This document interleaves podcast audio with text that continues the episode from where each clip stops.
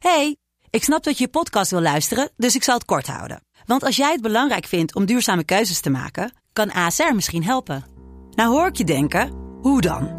Nou, bijvoorbeeld bij het duurzaam herstellen van schade. Of de premies die we beleggen volgens ons duurzaam beleggingsbeleid. Dat bepaalt waar we wel en juist niet in investeren. Wil je meer weten over welke duurzame keuzes ASR maakt? Ga dan naar asr.nl slash duurzame keuzes. ASR doet het. Zo, dan kan je nu lekker naar je podcast luisteren. Dit is een productie van De Stroom. Yes, dames en heren en alle andere soorten mensen die er zijn. Daar zijn we weer, Wilde Haren de podcast.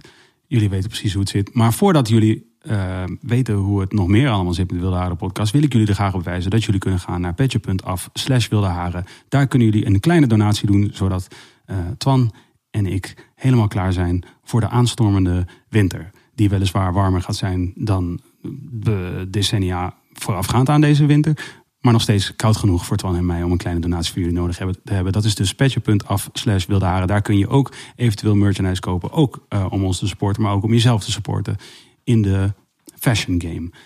En wat je ook kunt doen is ons volgen op de socials. Want dan uh, zijn we ook gesupport. Dan gaan we nu naar de volgende Wilde Haren. En vandaag hebben we een hele speciale gast. En dat is omdat we de finale uh, gaan doen. De belangrijke seizoensfinale van dit seizoen.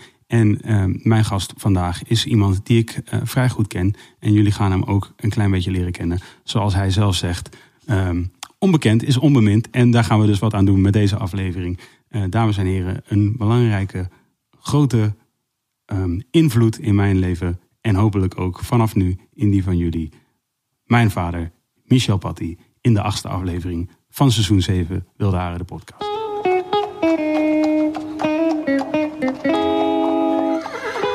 Kijk jezelf altijd live? Ja. Altijd? Nou, niet altijd. En uh, dit hoor je ook? Ook als je terugkijkt, hoor je ja.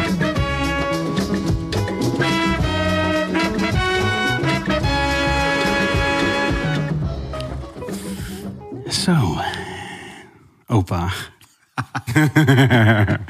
we zijn, uh, ik heb net al even gewaarschuwd voor de mensen hier. We zijn heel, heel, heel emotioneel. Uh. Uh, ja, dus we moeten voorzichtig zijn met elkaar. Want, uh, want ik ben net vader geworden. En ik opa, Jij bent voor de tweede keer. Wel net voor de tweede keer opa geworden, maar wel ja. heel, heel recent. Ja. Dus ook voor de mensen die luisteren en kijken. Ja, ik ben net vader geworden. En dus ik heb een zoontje en hij heet Sun. En uh, hij is uh, heel schattig en klein en, uh, en lief. En we komen net van hem vandaan. Ja. Niets aan toe te voegen. Niets aan toe te voegen, ja, is gek. Maar ik vroeg mij wel meteen af, want ik dacht natuurlijk van... Oh, we, hadden, we hadden natuurlijk gepland dat jij zou komen. Of we wilden graag dat jij kwam als laatste aflevering van dit seizoen. En we hadden natuurlijk ook rekening mee gehouden dat het rond dezelfde tijd zou zijn dat hij geboren zou zijn. Dus we, we dachten van of het is er net voor of het is er net na. Nou, nu is het eigenlijk het meest Ideaal. bijzondere scenario in feite. Omdat, in, en dit vind ik altijd leuk om te doen, op, op een dag gaat hij terugkijken en kunnen kijken hoe opa en papa aan het praten oh, waren over hem ja, ja, ja. twee dagen later. Hoe, kan jij herinneren hoe het was voor jou om voor het eerst vader te worden? Ja, dat was... Van mijn zus, voor de mensen thuis. Ja, dat, het, is, het, is, het is gewoon heel, heel apart. En uh, als man, vroeger dan, uh, Daniel is al over de 40, ja. ver over de 40 had je, had je gewoon van, ja, je hebt natuurlijk wel uh, al die uh, cursussen meegedaan en, uh, en theoretisch geleerd hoe het allemaal misschien zou gaan. -huh. Maar als het gebeurt, ja, dan is het toch weer nieuw. Uh -huh. En het is, het is je eigen kind. Ja. Wat gewoon zo super wonderbaarlijk is. Maar dat had ik ook bij Sun. Dat ik denk, Mijn kind? Ja, dat het, nou, wonderbaarlijk hebben Charlotte negen maanden zo gezien. Ja. En dan opeens is die er gewoon. Ja, ja, ja. En helemaal gaaf. is de, hoe, hoe, hoe vergelijkt de ervaring van opa worden met vader worden? Is het, is het, uh... Opa worden is, is veel leuker. Ja? veel, uh, Shit. veel relaxter. Ben ik er nog niet? nee, het is veel, veel... Aan de ene kant veel relaxter. Omdat je natuurlijk al die... Uh, ja, ik noemde maar romslomp Mhm. eromheen van uh, aangifte doen en, en En eh, rennen met, eh, met eh, wa- warm water en met kom, ja, in, Luiers. in ons- in onze, ja, luiers. En eh, we hadden vroeger nog geen eh, pampers. Tenminste, toen Danielle geboren werd. TM. Dus we allemaal, eh, oh ja, dus allemaal, eh, allemaal Ja. van die eh katoenen luiers. Gaan wij ook doen, hè? Gaan we ook Ah, doen. ja? Ja, ja we, gaan, we zijn nu gestart even met, eh, met convenience. Maar we gaan over naar wasbare luiers. Nou, ja. Volgende week of zo. Hadden we, hadden we zo'n zo'n luieremmer. En alles ging erin. En dan eh, moet je dat eens uitspoelen. En dan, De, je deed het wel luiers schoon. ja, tuurlijk. tuurlijk. Ja, weet ik niet. Er zijn de mannen ik, eh, hef, die zeggen van ik doe dat. Ja, ik wilde niet, maar ja, mama wilde. mama zei, maar je moet gewoon. nee, maar het is achteraf gezien was het wel heel leuk. Het is gewoon Maar en dan dus de opa is de lusten, maar niet de lasten. Ja, ja, beslist. En, Precies. en, en, de, en de tijd. Want wij, je, je hebt eigenlijk al wel, eh, zeg maar, in, de, in, het, in het traject voor mij dan nu, de afgelopen negen maanden, of, of laat ik zeggen vanaf het moment dat jij het wist, tot nu heb je me wel regelmatig gezegd van, oh, dit was anders toen en dit was anders toen. Zeg maar, kun jij, kun jij, denk je, onder woorden brengen wat het, wat het voor jouw gevoel het grote verschil was in die tijd om vader te worden? Nou, het grote verschil was onder andere dat we geen telefoon hadden. Oh ja, geen vaste telefoon. Dus eh, we hadden met de buren wonen in een flat. En we hadden met de buren, die hadden wel telefoon. Er was eh, in zo'n portiek eh, heb je één of twee die een telefoon hadden. Ja, ja, aan de draad. Als er iets gebeurt, dan... wist je dat, Twan? Vroeger zaten telefoons aan een draad. En dan moet je... Mind blown. Met draaischijf, hè? Met een draaischijf, hè, dus duurde extra lang. Dus je, je hoopte dat een telefoon niet te veel een nummer niet te veel negens had. Want dan was je, was je nog lang bezig. Of nul. Ja. Maar eh, goed, dus eh, dat was gewoon heel anders. En eh, je had geen mobiel en de, de verloskundige, die, die, ja, de- je moest echt naar de telefooncel. Of naar, naar, bij ons dan gelukkig dat iemand in de flat zei van... nou, je komt maar al eens, al eens midden in de nacht, bel maar aan en eh, je kan telefoon gebruiken. Nou, dat is echt het grootste verschil. Ja. En daarnaast in al die, we waren vorige week eh, in zo'n babywinkel. Nou, wat ze allemaal hebben. Is niet normaal. Is, ze hadden zo'n wipstoeltje, Ja. maar op een plateau elektronisch. Hè? Dus je hebt een afstandsbediening. Als mama en papa, dan, eh, als het kind huilt, dan zou je met afstandsbediening zo kunnen laten wippen. Ja, ik zei tegen mama van, nou, belachelijk. Toen we gingen kamperen en als jij huilde, had ik, eh, had ik gewoon onder de... We hadden zo'n tent met een eh, zo'n scherm. En dan sliep ik naast jouw bedje, zeg maar, en daarnaast. En dan, als je begon te huilen, ging mijn hand zo onder, onder die tentdoek. En dan schudde ik zo aan de bok. Toen het weer stil was. En dan, nou, dan sliep je weer verder. Ja, ja, ja. Maar nu eh, eh, is ja, is gewoon te gek. En we hadden, we hadden bijvoorbeeld zo'n babyfoon. Dus hadden we een, eh, die hadden, wa- was nog niet eh, draadloos. Hè? Dus we hadden, als we een feestje hadden aan het einde van de straat. Dit kan ik, we- ik kan me dit herinneren, niet van mij natuurlijk, maar van andere maar kinderen. hadden we echt uh, verlengsnoeren en zo. Die, eh, Gewoon eigenlijk van die bekertjes met een touwtje ertussen in ja, eigenlijk wel. Maar eh, nou, dan was echt 30 meter zo. Ja, en dan eh, Gewoon van een raam naar een raam. ja. Wauw, een kamer naar kamer. gek. Dat is Ja, wel dat gek. is- maar ik vind het toch best heel snel gaan, die, die ontwikkeling van. ja, kijk, de, de, hoe dat? De, de bedrijfsleven die is er mooi op ingestapt, natuurlijk. Om al die dingen te bedenken. Ja, ja. ja je hebt, Je bedoelt voor baby specifiek, Ja. maar technologie in het algemeen ja, natuurlijk. voor baby's Ja. vooral. Ik denk dat je bedoel, eh, het is een, eh, een beetje een, eh, hoe noem je dat? Een obvious one. Maar internet heeft natuurlijk zo'n gigantische revolutie op alle terreinen. Maar inderdaad ook baby. Want wij zijn letterlijk voor de, voor de echo, twee keer voor twee echo's zijn we naar, wa- wa- was gewoon in de prenatal. Dus je bent gewoon, je bent gewoon een echo Ja. aan het doen. eh, en dan ben je gewoon eigenlijk al meer in de Ja, winkel. die Dus noemen jullie toch ook een pret-echo, zo zie je het? ik noem dat niet zo, maar eh, inderdaad, er zijn wel mensen die het zo noemen. Ja, zo, zo wordt het dan genoemd. Wat ik sowieso ook weer allemaal Pret belachelijke naam, ja. belachelijke titel voor zo'n ding vind. Ja. We moesten naar het ziekenhuis. En dan eh, ja, kon je één keertje zo'n zo'n echo doen. En eh, ja, ik ben natuurlijk heel veel vergeten. En eh, wat dat betreft zal mama wel eh, meer weten nog. Hoezo? Hoezo weet mama weer? Nou, kijk, als vrouw maak je dat denk ik toch veel bewuster allemaal mee. Ja. Als, eh, als man. Vooral voor- Is dat ook niet, denk ja precies. Is dat niet, denk je, ook een soort sign of the time dat je, zeg maar dat een man nu dat ook wellicht Meer- bewuster meemaakt dan toen, omdat de wereld. Ja, vroeger had je van die, van die, van die eh, strips, eh, stripverhalen, dat een man in de wachtkamer eh geen IJsberen. ijsberen, dat, dat die vloer helemaal zo uitzakte, omdat hij zo lang moest lopen omdat die vrouw moest wachten op de beval. En Ja, dan, ja. dat is een man, die, ja, die, die stond alleen maar te wachten. Ja, ja. En eh, totdat hij de baby hoorde huilen. Nou ja, ik heb een kind. En dan weet hij nog niet of het een jongen of een meisje is. Dus dat is, ja, jullie weten nu echt heel... Jullie kunnen alles weten. Ja, ja, ja. Te veel eigenlijk. Want, ik, want in, in zoverre dat probeer al heel bewust om te springen met dat wat ik, eh, laat ik zeggen, registreer, dus technologisch. En wat ik probeer te registreren in mijn hoofd. Ja, ja. Eh, of in mijn hart, om het even heel romantisch te stellen. Omdat ik wil voorkomen dat ik zoveel registreer technologisch, dat ik eigenlijk ontneem van de herinnering die ik kan opslaan als ik het gewoon ja. opsla. Datzelfde als dat mensen eh, zeggen dus dat als je op vakantie gaat... moet je eigenlijk geen eh, camera meenemen. Ja, ja. Maar gewoon registreren en dan opslaan in, je hoofd. Ja, Dat je veel meer plezier hebt aan de herinneringen... als dat je een fotoboek pakt. Of, of eh, weet je wel, de- of met een overhead projector. Of eh, ja, ik noem nou allemaal ouderwetse dingen waarschijnlijk. een overhead project. Overhead projector. ja, die kennen jullie niet. Jawel, ja, gewoon. Ah, jawel, jawel. Ja, eh, Ivo komt uit PSV Media, man. Oh, ja. die, die heeft bij de NOS gewerkt, joh. Die weet, die kent alles. Oh ja, overhead projector. Ja. Dat is leuk. Was, waar, vroeger eh, zat ik op de, op de Pedagogische Academie. Toen kwam zo'n amanuensis. Mhm. Nee, ja, amanuensis die, zei, die kwam binnen en die zei van, aan onze docent van... de overheidsprojector die staat klaar hoor. De overheidsprojecten. Overheidsprojector. Want dat was nieuw hè, overheidsprojector. Ja, ja, ja. Dat was echt. En die, eh, die man die, die, die gaf ook eh, les over hoe dat werkte.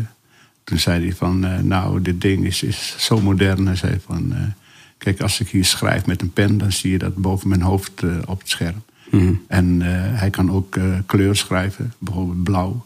En dan zei hij, oh, blauw. Dan schreef hij op blauw. Als een grapje. Ja, ja, ja. En dan zei hij, oh ja, nou ja, dat was leuk. Dat, zijn wel leuke rapjes. Hey, en de, de tijd, hè? Want toen jij dus de eerste keer dat je vader werd van, eh, van Danielle, toen was het 1976. ja. Ja, 1976. Had jij, ehm, of laat ik zeggen, wat was jouw idee van een kind, en jouw kind, eh, die geboren ging worden in die tijd? Begrijp je wat ik bedoel? Ja, ja, ja. Ja, dat is toch heel moeilijk. Want ik vind mezelf, eh, wat dat betreft, in die tijd toch een beetje naïef nog. Oh, zo? Nou, omdat eh, ik was niet zo bewust. Ik wist wel dat mama natuurlijk eh, in verwachting was. En, en, dat, en ik was, vond het hartstikke leuk. Want meteen toen mama in verwachting was, heb ik oma gebeld. Naar de telefooncel gegaan en eh, eerst eh, weet je wel, het nummer gedraaid. Is, Weet jullie wat dat is, jongens? Een telefooncel? Is een hele grote mobiele telefoon. Met draad. maar, maar die staat dan op één plek. Ja, en eh, toen heb ik gewoon verteld van... eh, ja, eh Co is in verwachting. Nou, en dan was mijn moeder zo blij. En, Ja, ja. Oh, en, en, nou, en binnen de kortste keren stonden ze op de stoep. We woonden in Om- Amersfoort. Ja. En, wij, en zij woonden in Tilburg. Maar toch kwamen ze even om... om Gewoon om dat alleen Ja. te vieren dat jullie zwanger waren. en sterker nog, toen Danielle geboren werd... Hebben, Danielle was overdag geboren. Dus we dachten van nou, we kennen onze familie wel bij Molukkers. Dus we denken van nou, ik dacht van nou, als ik iets later bel, dan... Komen ze misschien niet meer. Later op de dag. Ja, later op dat. Dus ik belde om een uur of zeven, half acht, dacht ik. Dus ik belde, ja, oma, eh, gefeliciteerd hè, Danielle. Ze zei, eh, zei oma, ja, is goed. Nou, voor twaalf uur s'nachts hadden ze een oom gezarterd. Die had een auto, want mijn ouders hadden geen auto. Dus kwamen met z'n vieren. Kwamen ze binnen. En we schrokken ons dood natuurlijk. Was Bij de geboorte of bij de... bij de dag van de geboorte. Oh ja. De dag van de geboorte, dus Danielle. En eh zei ik, eh, mama, eh, wil wat drinken? Nee, nee, nee, nee. Ze hielden een jas aan. En alleen maar zo met z'n vieren zaten ze in de stoel. En ze, ze- ze waren er alleen. En daarna gingen ze weer weg. En eh, nou, Maar eh, ook om te kijken wel. ja, natuurlijk. Ja, nee, precies. Ja. Maar gewoon eh jassen aan en gewoon daar even zijn om er even te zijn en dan weer weg. En dan weer weg naar Tilburg weer. Ja, giga- En dan gewoon, ze willen gewoon die dag. Daarom zei je ook tegen mama toen zijn geboren werd. Ik zei van nou, ik wil wel als een van de eerste daar zijn. Ja, ja, ja. Volgens mij was je de, je ja, was ja, de eerste. Ja. ja, ja. Dat vind ik echt leuk. Toevallig hè, dat, eh, dat we zondag natuurlijk thuis eh, kwamen. Maandag? Oh ja, Nee, dat jullie zondag thuis kwamen van vakantie van Zeeland, ja. Ja.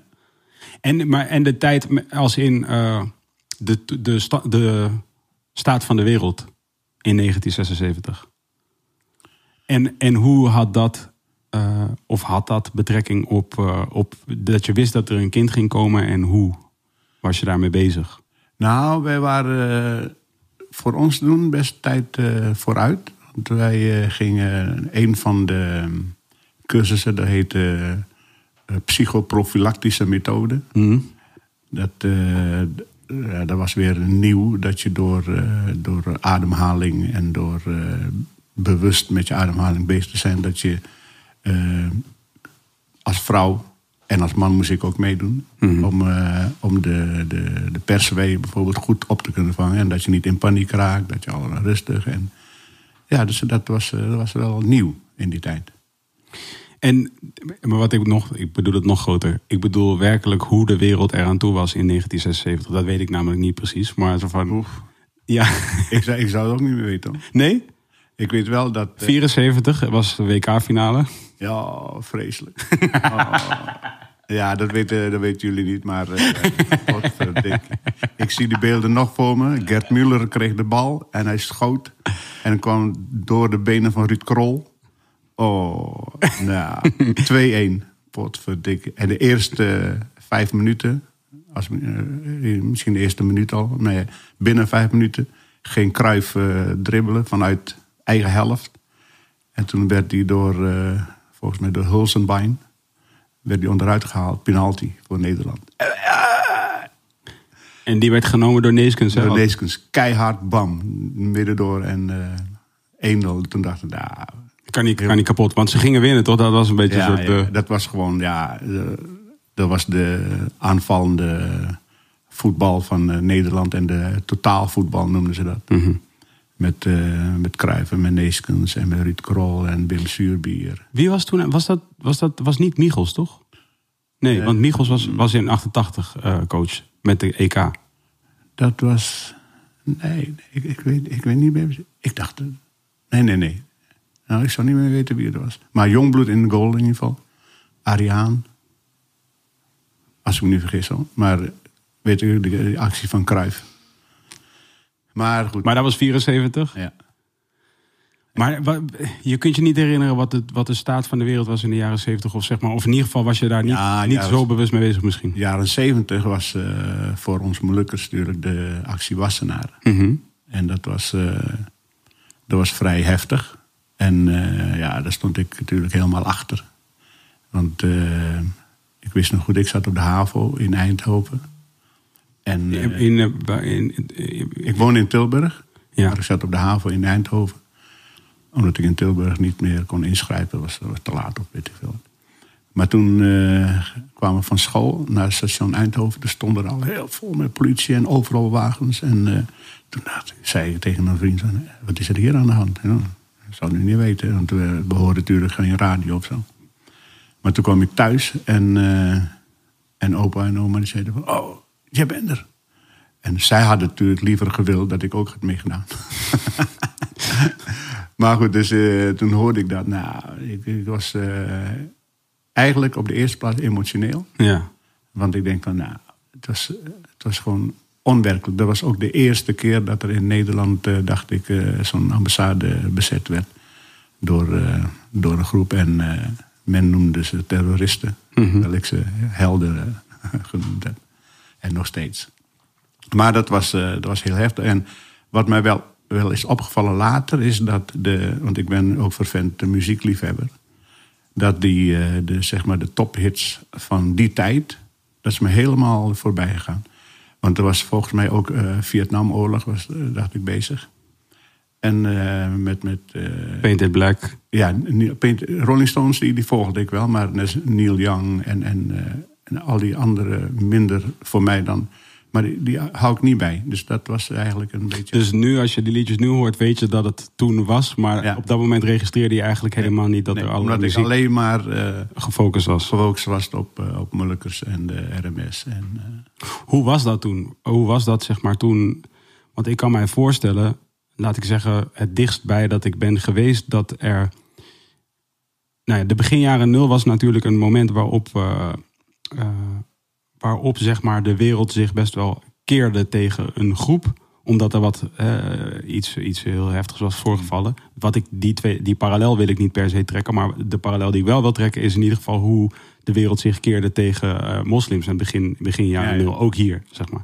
Hoe was dat voor een Molukse man om, zeg maar, in die tijd, toen dat gebeurd was? En je zegt ook van, nou, eigenlijk was je er, je was het daar helemaal mee eens en je was er ook trots op dat ze dat gedaan hadden op dat moment.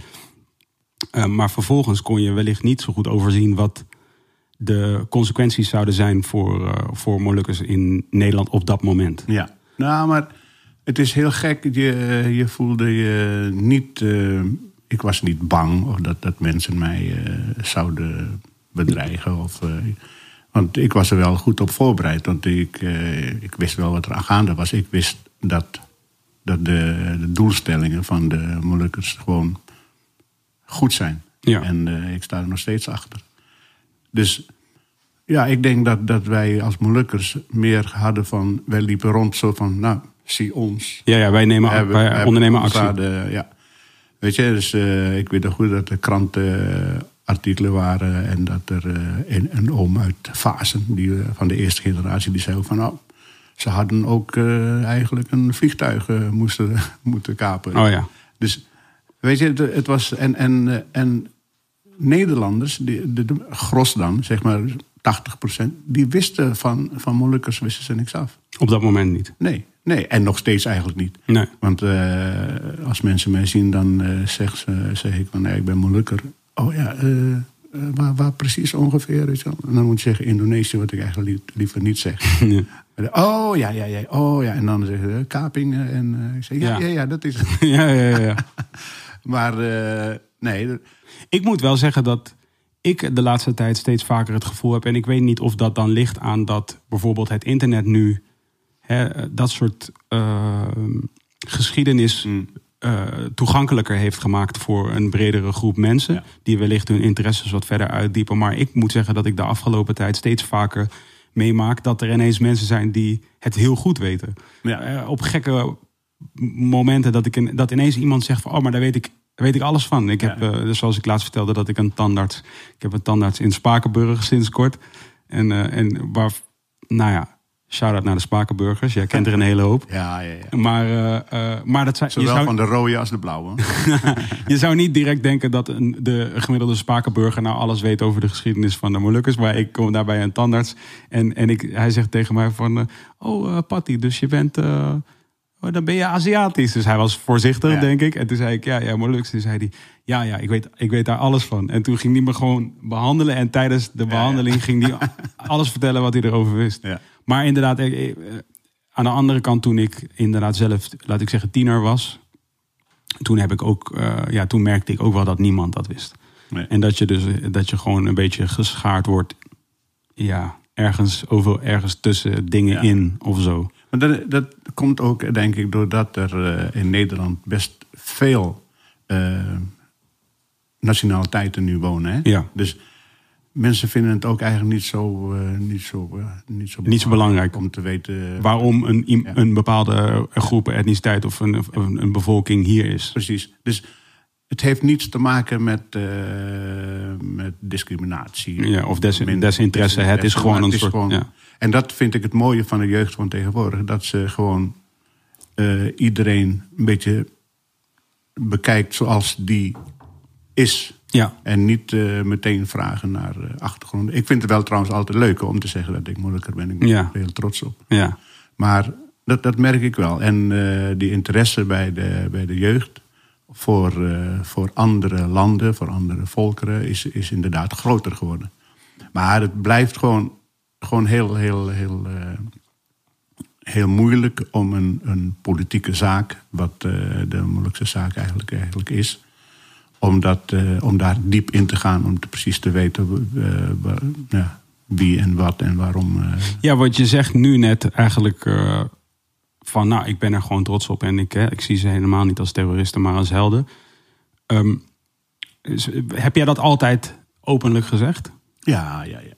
Want eh, het, soms is het moeilijk, want het gaat erom wie het, eh, tegen wie het hebt. Hè? Ja. Want eh, ik weet dat ik gaf dus les op een, op een VMBO. En toen die treinkapingen, toen kwam ik op school en kwam ik in de klas het eerste uur. Toen hadden de leerlingen op het bord geschreven van alle Molukkers het land uit, behalve meester Patty. Oh, ja, echt? Ja, en toen dacht ik van, ja, wat moet ik nou doen? Hè? Moet ik, moet ik, eh, ik, ik was wel emotioneel natuurlijk. Ja, dus iedereen, Dus- iedereen trappen. Ja, dus, nee, en dus ik dacht van, ja, ze hebben... Maar toen dacht ik van, hé, hey, eh, onbekend maakt onbemind. Ja, ja. Ze, weten, ze kennen mij, dus Ja. ze denken van, nou, Ja. als alle Molukkers zo zouden zijn, nou, dan is Was het het prima goed. geweest. Maar, de rest is blijkbaar niet zo. Ja? Nee. En dat is, eh, dat is iets wat ik, eh, wat ik, eh, waar ik lering heb van getrokken. Van als je mensen niet leuk vindt, moet je juist met ze gaan praten om te weten wat hun redenen zijn. Waarom zijn ze zo? En waarom zijn ze tegen dit en of tegen dat, weet je wel? Dus leer je vijanden. Ja. Je kan beter Of je medemens. Ja, je stellen, Je ja. moet gewoon mee meer praten. Want Ja. eh, dan, als Van je elkaar weet leren houden. wat hun beweegt om bepaalde acties te doen, dan is het beter. En daarom eh, oproep aan Nederlandse jeugd. Ja. waarom Molukkers hier zijn. En eh, wat we. Kijk, we hebben altijd gezegd, als tweede generatie Molukkers, dat. ik heb meegemaakt, we hebben vanaf zeg maar 1952, 53, ik ben in 50 geboren, dus ik was acht maanden oud toen ik hier in Nederland kwam in 51. En eh, ik kan me heel goed herinneren, elk jaar gingen we naar Den Haag, bussen vol. En dat was op zich al een happening, want alle rantangs, dat zijn dus eh, pannen, stapelpannen met alle rijst en hele Ging maaltijden gingen mee in de, in de bus. en onderweg naar Den Haag, dan eh, hadden we echt. eh, Dus het was een demonstratie, maar het was ook een demo- Ja. het was, jullie demonstreerden Ja. ook hoe de cultuur ja, ja, maar ook, ook, eh, ook een soort reunie. eigenlijk. Ja, ja, ja. Want in april, hè, voor de mensen. Voor de 25 mensen die- april, ja. Want- Want dat is de, de, de onafhankelijkheidsdag. Ja. Maar dat, dat wilde ik zeggen van. Wij gingen dus elk jaar protesteren. En dan liepen we door Den Haag. En, eh, wij verzamelden ons op Malieveld. Zoals mensen het nu zien gebeuren, toch? Maar dan toen. Ja. En eh, dan liepen we van Malieveld eh, onder andere langs, als het mocht, langs de Tobias As Asserlaan. Dat is waar de Indonesische ambassade zat. Ik weet niet of die nog steeds zit. En dan zo naar de, de. Maar dus elk jaar. En dan werd een petitie aangeboden. En, eh, en dan ontvangt zo'n eh, zo'n minister of eh, een hulp van een minister... die ontvangt dan zo'n petitie. Maar dan gebeurde er niks. Totdat Wassenaar kwam. En als ik me niet vergis, was daarvoor ook al een brandstichting in de Indonesische ambassade. Door jongens ook, ik dacht uit Moordrecht. Dan wordt er wel gepraat. Want ja, dan is het een, eh, een, een actie die niet door de beugel komt. Ja, eh, dit en dat. Maar over die demonstraties en over de aanbiedingen van petities en zo. Daar gaat het niet over. Gaat het gaat, het gaat helemaal niet over de manier waarop het vredig gepoogd wordt. Ja. Het gaat alleen maar over de manier waarop het onvredig gepoogd is. Ja, en dat, dat, is, dat is wel eh, jammer natuurlijk. Maar daarom is het. Als, als, als mensen het zo blijven regeren, en met, met mensen bedoel ik eh, regeringen vooral. Dan is het op een gegeven moment bij de, bij de in dit geval Molukse jeugd, gewoon klaar. Nou, ja. Nou gaan we echt acties eh, uitvoeren. En dan is het van, oh, en eh, oh, wat, wat. Ik heb eh, laatst nog, pas gisteren of zo, een, een, een reactie op Facebook over iemand die had het over, over Molukkers. En toen zei, eh, zei een ander van, ja, ja, die eh, van met, met gijzelaars, met eh, gijzelingen en met, met terroristen willen we niks te maken hebben. En dit was zeg maar non-contextueel, of dat sloeg Ja. nergens op. Was gewoon, ging helemaal niet daarover, Ja. of wel? Nee, het ging, ging over, over, ik weet niet precies meer, maar het ging over Molukkers. Ja. Dat we, dat we inderdaad Mhm. ons. eh, maar dan denk ik, van, ja, ja, in de Nederlandse geschiedenis hebben Nederlanders natuurlijk ten eerste tegen de Duitsers gevochten. Die, die zitten hier ook niet eh, alleen maar zo nou ja, laat maar. Want eh, de Duitsers hadden, stel dat Hitler eh, gewonnen zou hebben, ja, dan waren alle geallieerden gezien als terroristen. Ja, ja, ja. En als, maar goed, Nederland heeft natuurlijk ook in de 80-jarige oorlog tegen anderen echt verzet gepleegd en terroristische in de ogen van ja, ja. Spanjaarden Ja. natuurlijk. En dat, dat is, dat, ja, het is Het is een perspectief kwestie. Precies. Ja, en Altijd natuurlijk. altijd. Nou ja, in zoverre dat bijvoorbeeld wat, ik ook al wel eens eerder hier in deze podcast heb besproken. En dat is, en nogmaals, ik wil de parallel niet per se trekken, maar ik vind de, als je, als je nu zou kijken naar de Rambo-serie, wij hebben veel Rambo gekeken vroeger samen. Als je de Rambo-serie nu bekijkt, de serie Rambo-films, dan die, die, die komen alle eh, verschillende vijanden van Amerika eigenlijk voorbij. Dus eh, de Russen ja, en ehm, Cubanen. de Cubanen, eh, nou ja, noem het maar op. En Vietnam zijn ze. En, eh, en het is ook allemaal natuurlijk makkelijk, want één man en hij gaat even de hele. hij, hij En ik snap nog niet dat Amerika daar eh, verloren heeft in Vietnam. Als ze Rambo zouden hebben, Ja. zou je zeggen, ja, nou, hadden ze moeten winnen. Maar ja, eh, hoe heet dat? Oh ja, en in, in een van de delen, eh, als ze dus vechten tegen Rusland, vechten ze dus met de Afghanen. En ik zou iedereen aanraden, eh, ga eens op YouTube, zoek, eens, zoek het stukje waarin de Rambo-film bijna echte, echte raspropaganda, gewoon echte, Ja. letterlijk en figuurlijk raspropaganda. Want het gaat, er zit gewoon een stukje in de Rambo-film met hele, hele grote ehm, orkestmuziek en, eh, en dingen. En dan zie je dus eh, een groep mannen met baarden op paarden ja. rijden. En dat zijn dus de Afghanen. En dan wordt er omschreven wie de Afghanen zijn. En dan zeggen ze van, these are the Afghans. Ja. En eh, a raw people. En bla bla bla. En echt gewoon, gewoon echte propaganda. En verzetstrijders tegen Rusland. Wordt Ja. precies zo gepresenteerd. Nou, fast forward, een paar Rambo-delen.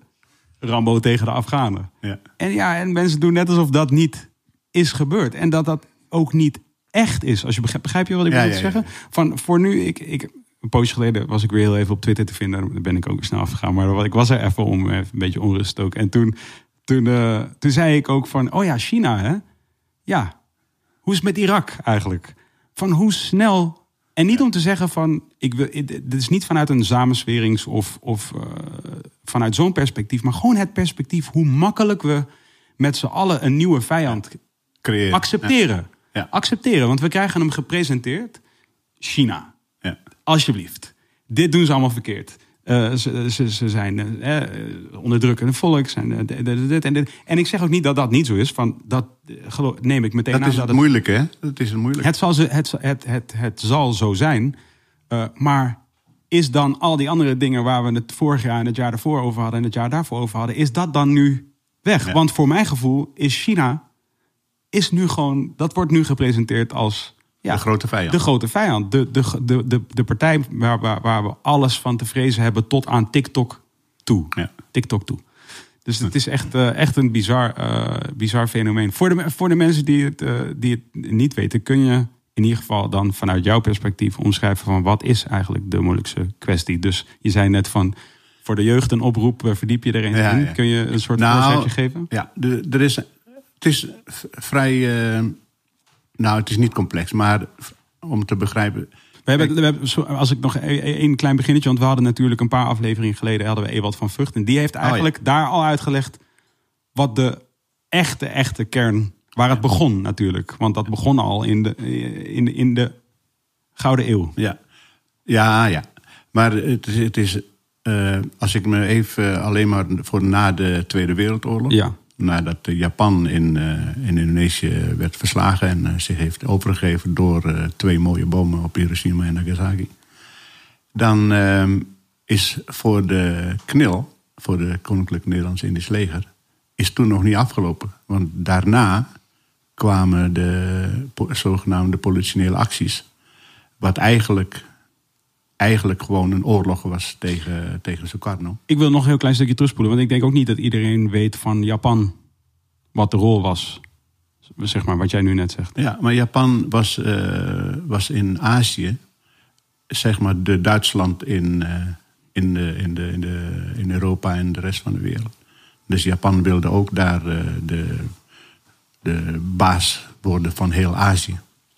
Dus toen Japan zich had overgegeven, door die, onder andere die twee bommen op eh, de kernbommen uit, eh, op eh, Hiroshima en Nagasaki. Toen zou eigenlijk de Sukarno zou, zou het, het was ook een feit. De toen zittende president ja, van Indonesië. verenigd, ja, hij was, ja, hij was de leider van de, Ja. in, in Nederlands eh, ogen, de, de, de rebellenleider. Ja, oké. Hij zou dus de Verenigde Staten van Indonesië. Het zou best kunnen dat ik een paar dingen. Maar dat was de kern. Verenigde Staten van Indonesië.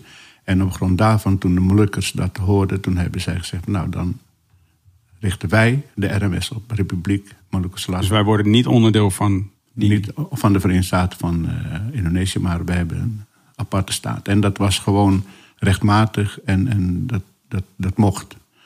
Alleen met het, het moeilijke is dus dat op dat moment de hele wereld eigenlijk keerde tegen eh, kolonia- kol- kolonisten. Mhm. Dus Nederland vonden ze ook eigenlijk eh, van, nou dat kan niet. Dat je nou na een oorlog nog een keertje Indonesië eh, als kolonie zou willen hebben. Dus eh, eh, kort gezegd, jullie moeten daar weg. Maar de, de, de knil, militair onder andere, met heel veel Molukkers, die, eh, die vochten dus tegen, tegen RI, tegen eh, in- Indonesië. En eh, ze hebben dus RMS opgericht. En dan had, eh, hadden de Molukkers toen recht op een eigen staat. Maar doordat eh, Nederland eh, weg, daar weg moest. En maar Nederland, denk ik, had wel gedacht van... Ah, dat, dat rooien we wel, weer. Wij, wij nemen jullie gewoon mee. Want eigenlijk wil, willen de Molukkers dat eh, de knilmilitairen... die goed getraind waren... en wij willen eigenlijk naar... eh dus tenminste, even nee, terug. Eh, wij mochten kiezen of Indonesisch leger of naar Nederland. Of demobiliseren op, op waar ze waren dan. En voornamelijk was dat op Java. De, maar de Molukkers zeiden nee, laat ons dan naar Seram gaan. Want daar zat de president van de Molukkers toen, Samokil. En daar willen ze zich aansluiten. Of eventueel nog naar Nieuw-Guinea. Want dat was ook eh, nog eh, vrij en dat was ook van Nederland nog.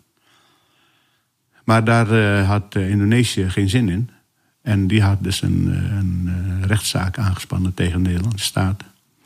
En de Nederlandse staat werd verboden om de Molukse knelmilitairen op Seram en op Nieuw-Guinea of naar Nieuw-Guinea eh, demobiliseren. te mobiliseren. Ja. En dus, eh, maar Nederland had altijd nog, denk ik, hè, de gedachte van nee, we- we krijgen Indonesië wel weer. Dus toen had Nederland tegen de Molukkers gezegd: wij, eh, jullie, zijn, jullie gaan even met ons mee, een paar maanden naar Nederland.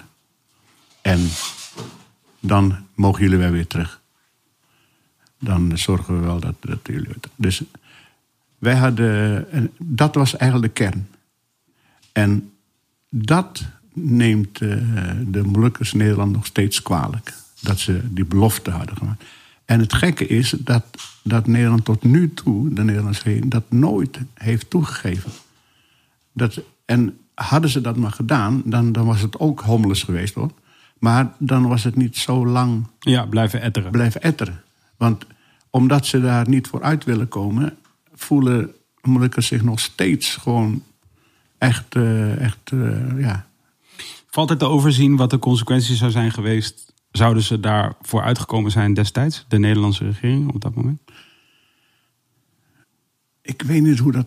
ik- kijk, ik ben, ik ben een leek hoor op, op eh, politiek gebied. Maar ik denk dat wanneer zo'n oorlog afgelopen is en wanneer allerlei besprekingen gedaan worden, dat men al dacht over economische voordelen als ze bepaalde dingen Ja. toegeven. Nou, ik denk dat, eh, de- ik denk dat eh, iedere leek eh, wat dat betreft gewoon wel ervaringsdeskundig genoeg is om te kunnen concluderen dat uiteindelijk politiek gaat over macht en geld. Plus dat, eh, dat als, eh, als Amerika, toen dan de, de grootmacht, als Amerika had gezegd van eh, nee Indonesië, jullie eh, moeten RMS eh, maar wel erkennen en Nederland, dat, Amer dat Indonesië misschien eh, toen al eh, had aansluiting had ge- gezocht met Rusland. Oh, Weet je, dus, dus daar was Amerika toen na Ja. de oorlog al bang voor. Dat, eh, want overal in Europa ook, hè, Berlijn werd verdeeld. Vooral omdat ze bang waren. Dat, ja, die aansluiting met Rusland. Ja, met de aansluiting met Rusland. Ja. Maar goed, we gaan nu echt politiek heel ver. Maar, Ja. Dus dat neemt de Molukkers nog steeds in Nederland kwalijk. Dat ze ons iets beloofd hebben. Wat ze niet waargemaakt hebben, één. En twee, dat ze er niet voor willen uitkomen. En geen excuses of Ja. verontschuldigingen willen geven. Want ze weten donders goed wat ze natuurlijk gezegd Ja. hebben. En eh, nou kan, eh, kan de, de regering van nu wel zeggen van ja, maar dat was vroeger. Ja. Maar ja, ja, want hoe langer je het uitstelt... En eh, ik, nogmaals, ik wil ook niet samenswering per se... maar hoe langer je het uitstelt, hoe makkelijker dat argument natuurlijk wordt. Ja, ja, ja. Want als je maar lang genoeg wacht, kun je op een gegeven moment zeggen... dat was gewoon lang geleden. Maar eh, het is, het is goed dat Molukkers, vooral de, ook de derde generatie nu, dat ze toch blijven vasthouden. Maar ik hoop gewoon dat, eh, dat, eh, dat Molukkers nu ook niet alleen gewelddadig, gewelddadige acties doen, maar dat ze gewoon door, door hun verstand ook laten leiden. En, want het staat gewoon zwart op wit dat we er recht op hebben. Mhm. Dat, Ja, ja, dat er RMS eh, eh, Bestaat. bestaat Ja, ja, en recht heeft om te bestaan. Waar, waar is dat, laat ik zeggen voor iemand als ik... waar, waar zou ik heen moeten gaan om dat kracht bij te zetten? Want, zoals je net zelf al zei... jullie waren al petities aan het doen in de jaren zeventig. Nu kunnen we nu natuurlijk... er is, heerst een enorme petitiecultuur, dus... Je kunt volgens mij weer petities gaan doen. En ook die zullen waarschijnlijk weer veel handtekeningen krijgen. Alleen de vraag is, gaat het echt constructief zijn? Ja. En maar waar, waar ik, als je dat weet hoor, maar waar zou nu die beslissing gemaakt moeten worden? Indonesië wellicht. zeker. Ja. Indonesië op de eerste plaats. Ja. Dus ik vind het wel leuk om te horen, dus dat, eh, tenminste dat vind ik leuk, want er zijn ook weer Molukse groeperingen die dat niet leuk vinden, dat eh, de president in ballingschap, wij noemen dan eh, president Watilete, dat hij blijkbaar, eh, ik heb foto's zien op Facebook en heb verhalen, dat hij toch wel eh, besprekingen had met eh, een paar kopstukken van de Indonesische regering. Hm. Dus Waarom zou je dat niet leuk vinden dan? Omdat je om uit. nou, je wil ook weer niet dat ze. ik, samen- ik vind het wel leuk. ja, ja, maar waarom Maar, zou iemand dat niet leuk Nou, omdat ze alles wat Indonesië is, vinden sommige Molukkers hier Helemaal niks helemaal niks. Ja, Daar, eh, daar- Gewoon niet mee praten, niks. nee, maar ik blijf nog steeds bij van onbekend maar onbemind. En Ja, leer elkaar kennen. leren elkaar kennen. En ik denk dat, eh, dat eh, als dat echt zo is, dat uh, Watilite eh, gesprekken heeft met kopstukken vanuit de Indonesische regering, dat het alleen maar goed kan zijn. Kijk, we, we kunnen niet binnen nu en, en één jaar eh, een eh, onafhankelijke RMS krijgen. Dat, op dit moment gaat het niet. Maar als je. Ik zou bijvoorbeeld. Nou, wie ben ik? Maar ik zou bijvoorbeeld economie bijvoorbeeld als, eh, als, als Drijfveer. drijfveer om, om dat apart te doen. Dat, dat, dat de, Zuid, of de, de, de Molukken economisch onafhankelijk zijn. Ik weet niet, zover ben ik niet om te weten of er bestaansrechten zijn wat betreft grondstoffen of ik, Mhm. Weet je wel, maar dat één. Want eh, die samenwerking heb je altijd wel nodig. In dit geval dan met Indonesië. Maar daar, je moet gewoon rustig beginnen. Het, het zal wel eh, nog, nog lang duren. Hoeveel mensen heb jij een idee van het bevolkingsaantal? eh, als in Molukse bevolking? Op de Molukken? Poeh, nee, ik heb geen idee. Maar, Nee. eh, Kun je dat checken dan? Kijken of je dat kunt vinden ergens? ja, want ik, ik weet niet of er staat hoeveel Molukkers er zijn. Want Nee, omdat het officieel natuurlijk geen erkend. Ja, precies. Ja, maar dat is ingewikkeld. Maar ik zat namelijk ook te denken van. Wat het idee, voor zover ik weet, wat het idee was van inderdaad die, eh, eh, die, die Verenigde Staten van Indonesië, maar ook van eh Bahasa Indonesië, was het natuurlijk. Ja. eh, ehm, daarvoor was het allemaal te verdeeld en dus ongeorganiseerd. Toch eigenlijk heel Ja, ja. Indonesië. Ja. En waardoor het ook makkelijk te koloniseren was, bijvoorbeeld. Dus dat was de hele motivatie achter het starten van een nieuwe taal. Was van hoe beter we met elkaar kunnen praten, wat jij nu net eigenlijk zegt. hè, eh, eh, eh, onbekend maakt onbemind. Dus als je elkaar niet kunt spreken, dan kun je ook niet organiseren. Van dat is een hele bekende filosofie natuurlijk. Maar dat zal je nu, dat weet ik niet. Maar ehm, eh, omdat de Mo- Molukken natuurlijk ook eilanden zijn met afzonderlijke, Ook talen nog, hè? afzonderlijke talen, afzonderlijke gebruiken, et cetera, et cetera. Zal de organi- het organiseren van het hele eh, volk als geheel ook wellicht een uitdaging. Het blijft moeilijk natuurlijk, want de, de RMS zelf is, eh, nu misschien ga ik te ver, maar de RMS zelf is vooral dus, wordt dus gedragen door de zogenaamde Leasse-eilanden. Hè. Dat is eh, Seram, Ambon, eh Nusalau, eh, Saparua en Haruku dacht ik ook. Maar goed, dus daar komen dus de, de meeste Molukkers die, die in Nederland zitten, die komen van die eilanden. En nu komen er ook zitten hele grote groepen uit de Kei- en Tanimar-eilanden.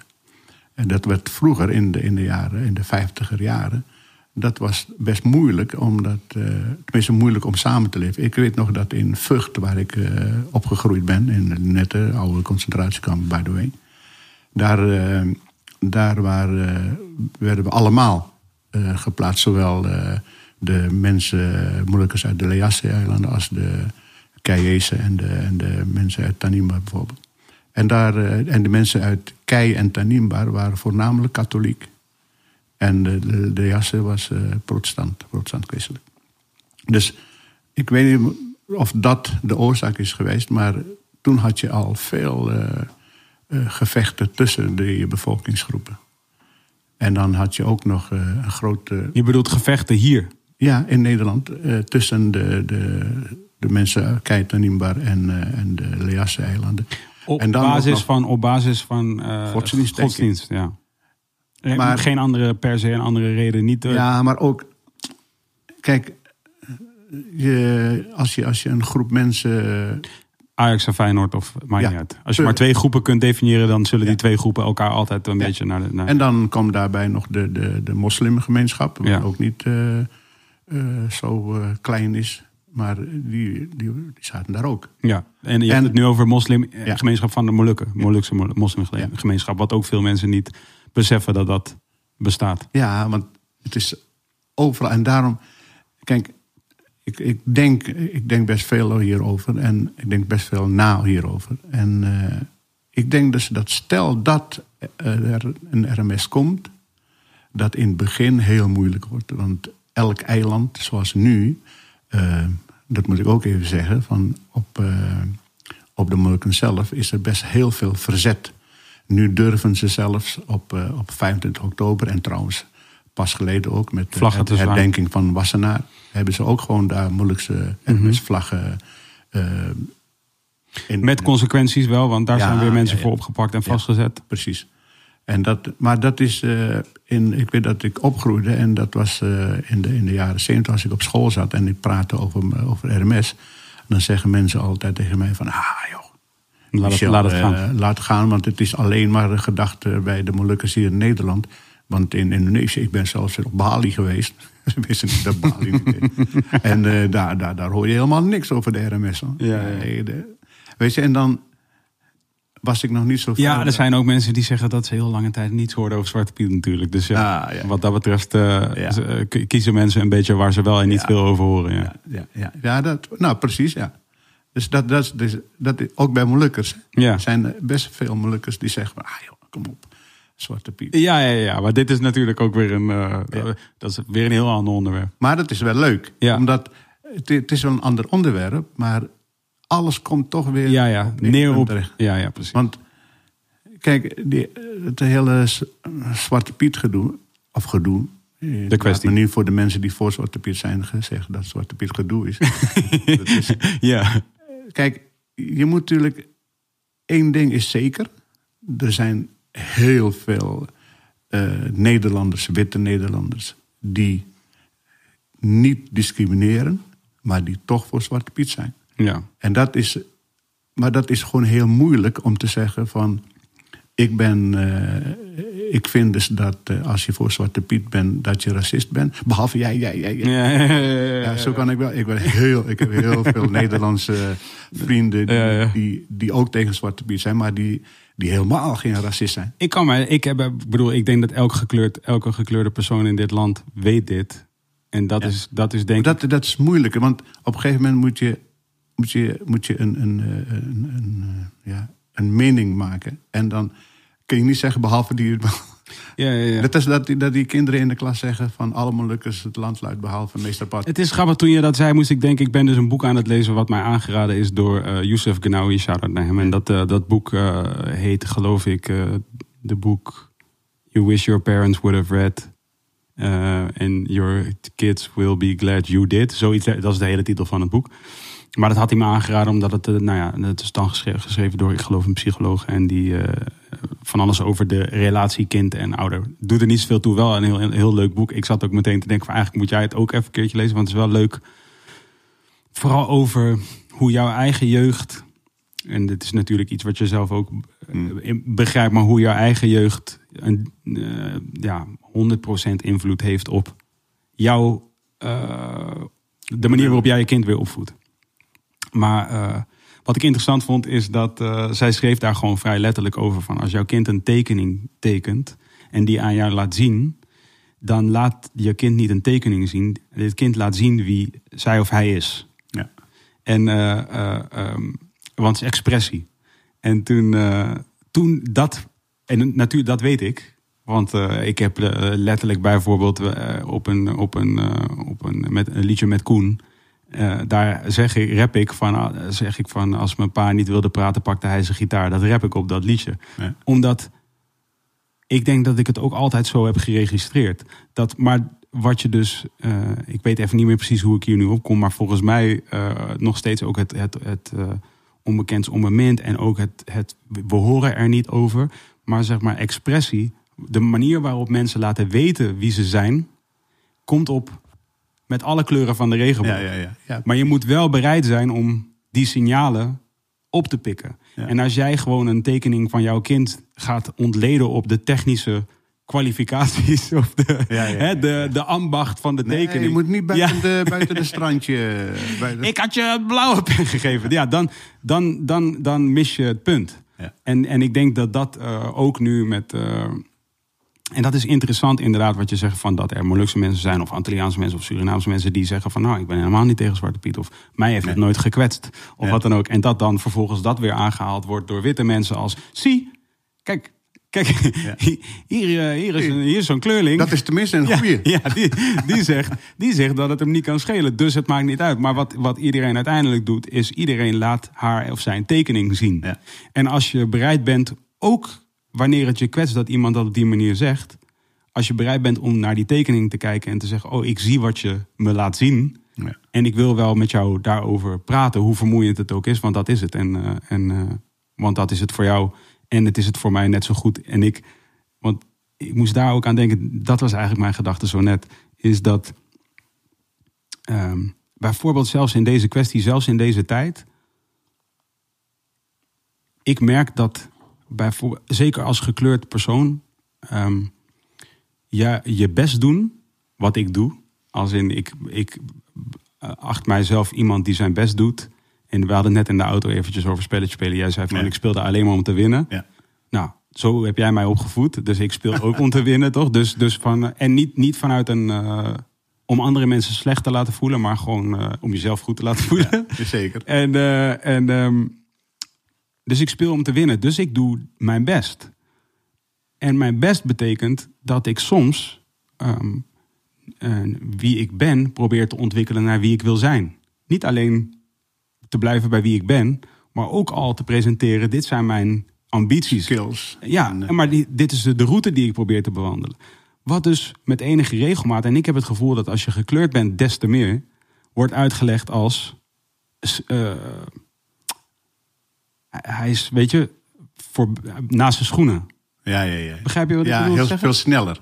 Zo van, nou, dat kan toch niet waar zijn? Ja, Want ik precies. heb- Van je bent, je, bent, je bent te veel je best aan het doen. Ja. Terwijl ik denk, hoe kan ik nou te veel mijn best doen? Maar dit komt van zowel, laat ik zeggen, eh, eh, witte mensen. En dat uit het zich op andere manieren, vind ik. Want dan, die zullen, eh, merk ik, Ja, maar Nederland is voorzichtig zijn met hoe ze het zeggen. Nederland is wat dat betreft veranderd. Hè? Want ik weet nog, in, toen ik opgroeide, toen was, was de slogan eigenlijk wat veel gebruikt. Doe maar normaal, dan Ja. doe je gek genoeg.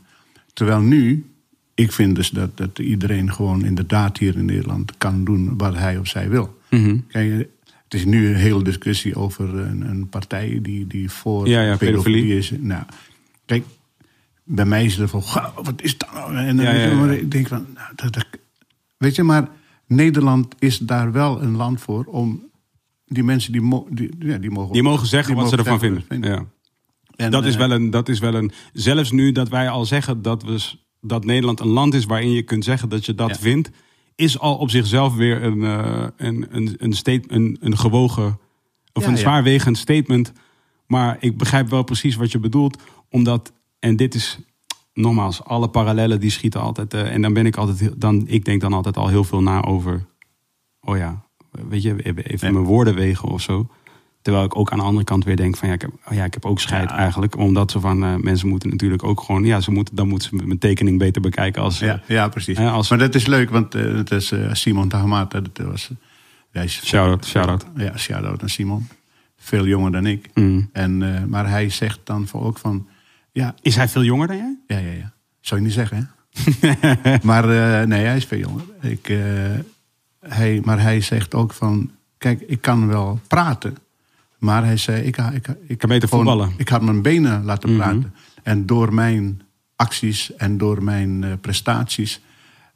wordt vanzelf over de Molukkers gepraat. En de, ik weet nog goed, de kleine Molukker, de, de aalvlugge Molukker. En nou, Simon is, was eigenlijk, of nog steeds, een van de voorbeelden eigenlijk voor heel veel Molukkers. Want Mhm. ik vind dus, ik heb jou wel eens verteld als ja, jaren geleden over het Bijbelverhaal. Over de, de rijke heer die dus wegging.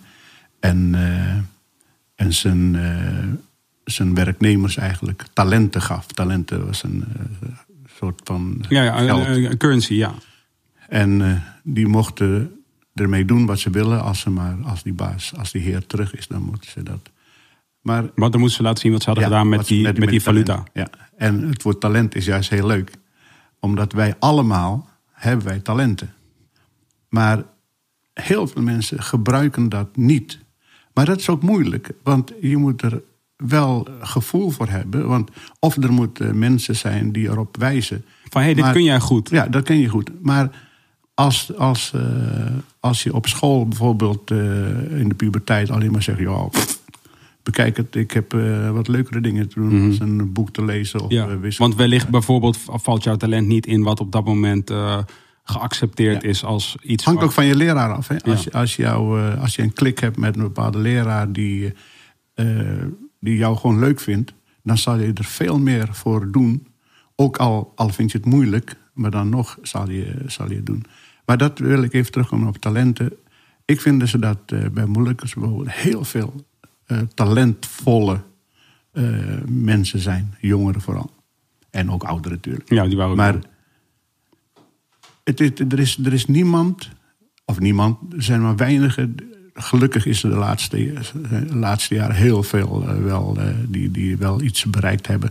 Nou wil ik niet zeggen dat als je iets bereikt, dat dan. dat dan je talent verzilverd is. Precies, Ja. want je kan ook eh, niets bereiken en toch gelukkig worden. Of je talent is iets wat niet per se iedereen ziet. nee, precies. Maar je, maar je bent het wel aan het gebruiken. Ja. Dat kan natuurlijk. Je kunt in de zorg misschien terecht of whatever. Ja. Maar wij, in mijn tijd, mijn generatie, wij gaven toch te snel op. Want ik weet nog goed van mezelf, want ik, ik kon, vond, vind ik wel, ik kon aardig voetballen. Maar Je zegt normaal gesproken zeg je altijd dat je heel goed. eh, ja, ik ben nu even. Goed, dat, dat weet je. eh, nou, dat hebben ze niet gehoord. Maar weet je, ik ging niet trainen. Ja. Maar ik werd toch opgesteld. Ja. Omdat ik gewoon goed was. Ja. En nog steeds. Maar, maar goed. maar, en dat vind ik jammer. Want ik weet zeker dat als ik ging trainen... ja. Dat ik misschien beter was. Maar wat was, je, wat was dan de reden dat je dat niet deed?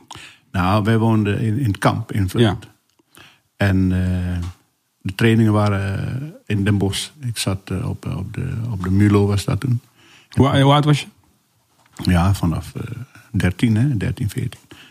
En er was een voetbalclub vanuit school eigenlijk, Beatrix 63. Die bestaat trouwens, dacht ik nog, of ze zijn gefuseerd. Maar toen blonk ik, net als altijd, in de gymlessen altijd al uit. En eh, toen zeiden ze van, nou, waarom kom je niet bij ons voetballen, zaterdags? Ik zei, ja, maar ik, ik heb geen, eh, er was oranje kousen, eh, witte broek en een shirtje krijg je van ons. Dat is een witte shirt met een oranje... Kijk hier. Ja, dat was de ijzeren mand ook. Wij noemden de Ambonstrand. Heel Leuk. Ah ja, echt? Dit noemden jullie ambons? Ambonstrand, omdat wij alleen eh, daar kwamen. Voor de- iedereen die meekijkt, eh, rechtsonder met, met de hand op de bal is eh, papa.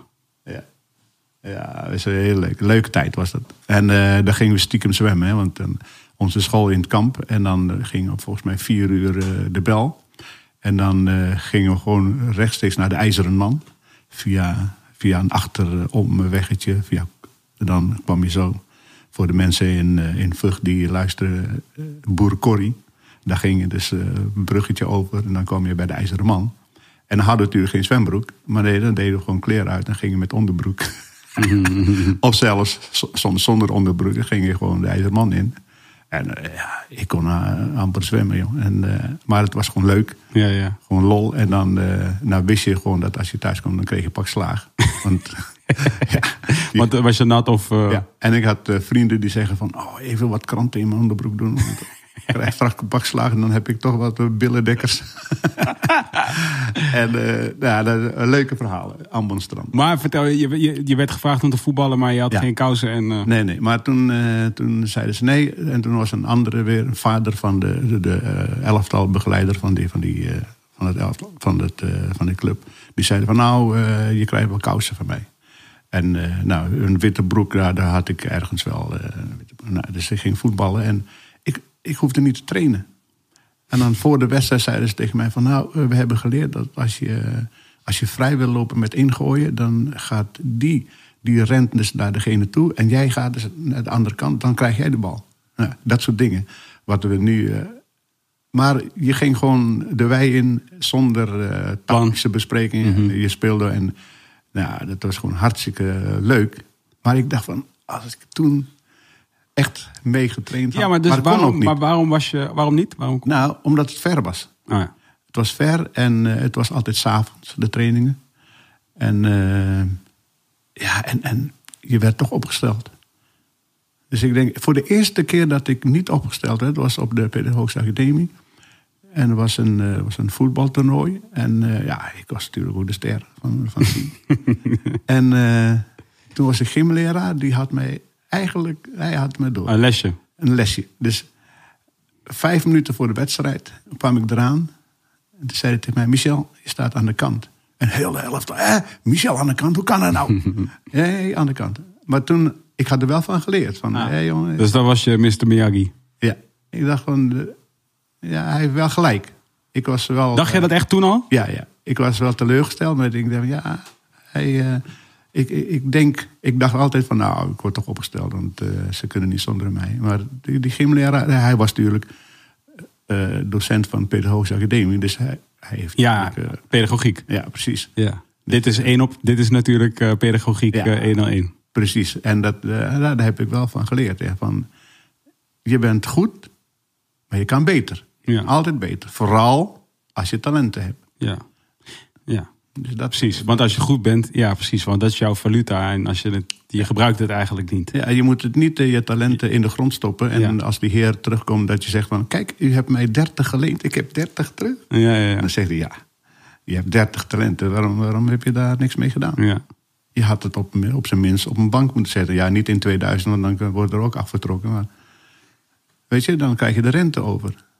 En, eh, en wat dat betreft vind ik dat, eh, dat Nederlanders, de, de witte Nederlanders... want we praten dus nu als ik... het Nederlands- 2020 is Nederlanders zijn een hele hoop. een hele hoop. Maar de, voor de hele VOC en de hele, hele kolonialisme is natuurlijk wel een, een vorm van ondernemen, ondernemerschap geweest. Dus Dit, is een, eh, dit, is een, dit zijn bouwde statements. ja, ja, ja maar toch is dat zo. Ja. En was, was een jongen op Facebook. Die had, die had net Je over... zit veel op Facebook. Heel veel. Vooral op de, op de Molukse site. Hij zei, eh, hij had het over van, eh, nee, wij, mogen, wij moeten onze Molukse Ambon- Ambonse taal hou- behouden. Want als je het, eh, de tje-klank, die schrijven net als in Nederland T-J-E. Maar Indonesië heeft het veranderd in C. En de, de J, alleen J, wordt als J. En eh, dus... eh, maar dan, we moeten gewoon DJ schrijven in plaats van de J. Want eh, dat is in Indonesië, dat moeten we niet eh, willen. Ben ik het wel helemaal mee eens natuurlijk. Maar toen zei ik, ja, toen zei, ik zei het niet, want zo laf ben ik. ik. Maar toen dacht ik bij mezelf, ja, als je zo doorgaat, dan moet je eigenlijk zeggen, dan moeten de Molukkers de godsdienst ook opgeven. Ja, want die komt ook niet van de Molukkers. Die komt van de, van de Nederlanders. Ja. Nou hebben Molukkers natuurlijk van de godsdienst wel iets moeilijks gemaakt. Maar als je onze namen al bekijkt. Hè, ik heet eh, dan eh, Michel, Michael, Petrus. Ja. Weet je, dat, en heel veel Molukse namen zijn natuurlijk uit, de, uit de Bijbel. ja. Dus En dat was niet, dat was niet het geloof voordat de kolonisten kwamen. precies. En, en ik, ik vind dat, dat toch wel heel, heel, heel, heel moeilijk. Want ik weet nu dus dat als kolonialisme er niet was geweest... dan waren we of allemaal moslim geworden, denk ik. Ja, maar dan had Indonesië de overmacht gehad. Maar het, het christelijk geloof, protestant christelijk, is duidelijk door de, door de Nederlanders gekomen. Ja. Maar ja, dat is dus inderdaad het, het onvermijdelijke zou wel zijn gebeurd. Ja. Namelijk dat wat er, wat eh, inheems was, als je het zo moet noemen, zou in alle waarschijnlijkheid, rationeel gezien, zijn vervangen door iets wat van buitenaf zou zijn gekomen. Zij, zij het, de islam, zij het eh, christelijk Ja, misschien hindoe of eh ja, boeddhisten. want er was, wat dat betreft is Azië natuurlijk omringd door, eh, Ja. door allemaal verschillende Ja. eh, geloof. Kun jij eens trouwens voor mij opzoeken, want volgens mij de vorige week met Aquasi had ik, ook, eh, had ik het daar ook heel even, een stroming in de filosofie die volgens mij iets van dialectiek heet of iets dergelijks. Weet jij dit toevallig, pap? Nee. Zoiets dergelijks. Ik denk dat als je op dat woord zoekt, dan vind je waarschijnlijk wel dat het echt is. Maar misschien, ik hoop dat je dat kunt. Wat bedoel je? Ja, nou ja, dat gaan we, Ah. zo, dat gaan we zo ontdekken. Kun je het vinden, Toon? Ja. Het heet, is het dialectiek? voorlezen? Ja, lees. dat is ook gewoon de, de definitie van dialectiek. Eh, dialectiek is in het algemeen gezegd ofwel een redeneervorm die door middel van gebruik van tegenstellingen naar waarheid probeert te zoeken, dan wel een metafysica.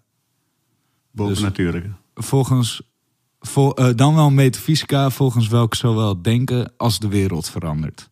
Zich ontwikkelt ten, eh, ten gevolge van tegenstellingen. Dus Ja. ja, kwam je daar een beetje uit? Ja, dat is precies wat ik bedoelde. Maar dat, namelijk, dit is, dit is dus een, een soort eh, stroming in de filosofie, heb ik heel onlangs geleerd.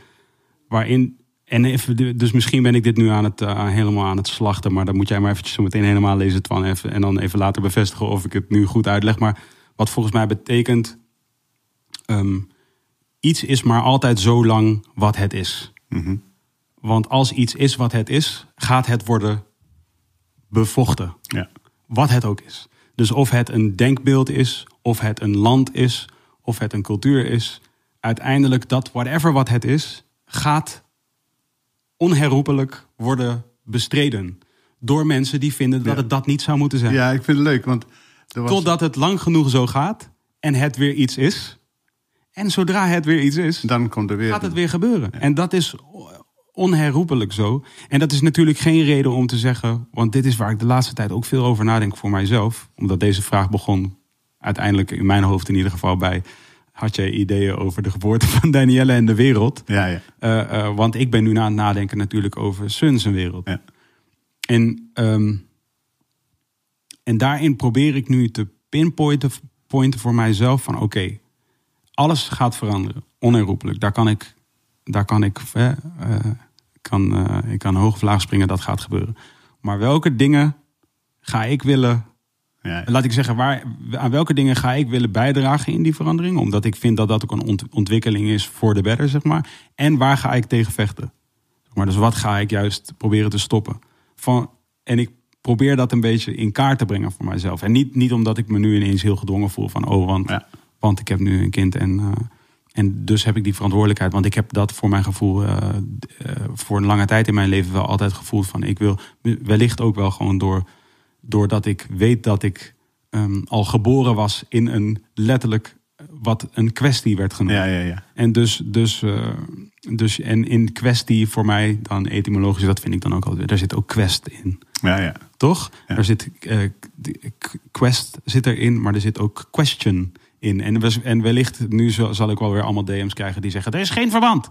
maar, dan- maar voor mij is er dan een verband. Ik denk dan: oké, het is kwestie, maar het is ook de kweste en het is ook de question. ja, ja. Dus het is ook eh, de vragen en, de, en, de, en het avontuur, of in ieder geval de. de, de, de Ja, leuk is, je zei net wat, een dag moest ik denken aan die woordvoerster van eh, Trump. Die zei op een gegeven moment van, eh, ja, maar eh, onze, onze mensen hebben, hebben andere feiten, eh, andere ware feiten gevonden. Dus over eh, corona. ja, over, over, over alles eigenlijk. Maar, maar gewoon de, de, de manier, iets is een feit, ja, ja. ja. maar ja. Ik ook andere ze hebben andere feiten gevonden. Ja, ja, ja. Hey, nee, nee, nee. Dus die, die journalist die, die zei van, hè? Hoe, kan Dat is nou? technisch onmogelijk. Dit is een glas, maar ik heb een ander glas. Nee, het is niet een glas. Ja. Maar ah, dat, dat is het gemene van, als je daar niet bij stilstaat, dan denk je van, oh ja, Andere feiten, ben benieuwd. ja, maar- Maar als je er wel bij stilstaat, en dat is dan wel weer, dat vind ik interessant. Ik had hier eh, voor Aquasi vorige week was Tim Hofman hier, wat, wat ik altijd, dat is een van mijn favoriete mensen om mee te praten, omdat we het eigenlijk best wel oneens zijn over heel veel dingen, maar daardoor maar leven. dat is leuk. Ja, en zeker omdat hij ook heel erg, voor mijn gevoel, accepteert dat wij het niet eens zijn. En ik accepteer het van hem dat we het niet eens zijn. En dan kan je leuk, want Ja. dat is wat in mijn optiek dan filosofie is en zo. In ieder geval betere vragen stellen dan de vragen waarmee je binnenkwam. Mm. En hij had het dus over ook weer een, een, een- een, een denkwijze of zoiets, of in ieder geval een filosofische richting, denkrichting. Mm, Waarin hij dus zei van eh, wat een beetje een nihilistische manier van denken was, namelijk hij zei van niemand is eigenlijk accountable. Eh, eigenlijk is niemand, hè, je kan denken niemand is verantwoordelijk, want uiteindelijk we zijn samengesteld vanuit zoveel eh, variabelen, zoveel eh, factoren waar we geen invloed op hebben, dat eigenlijk alles wat we doen, inclusief alles wat er gebeurt in ons brein als gevolg van eh, onze hormonen en organen en hè, alle chemische processen die, eh, die plaatsvinden eh, in ons lichaam. Ik weet niet of chemisch woord is, maar je begrijpt wat ik bedoel. Die, dat alles bepaalt wat wij doen. Dus we kunnen eigenlijk niet echt verantwoordelijk worden gehouden. Wat ik op zich, Ja, maar dus vanuit de Volgens wetenschappelijke... mij heb jij dat op Instagram gezet. Van, eh, eh, oh nee, was een, was een van de stripverhaaltje. Of, Ja, ja, ja, ja, klopt. Nee, Donald Duck en Mickey Mouse. ja. Over van, eh, dus je, je, je Ja, denkt ja, nu dat, dat eh, Ja, ja, dus je, je, de, eh, je denkt iets te weten, om, maar je vergeet dat die chemicals, chemicals in jouw ja, ja. brain... Ja, hij zegt, eh, Donald zegt, ehm, nee, eh, alles, wat wij, alles, wat wij de- alles wat wij denken, dat is alleen maar een soort gevolg van chemisch proces. Inderdaad, ik had het ook gepost omdat ik dat gesprek wat ik met Tim had, leek daarop voor mijn gevoel. Want namelijk, hij stelde dat.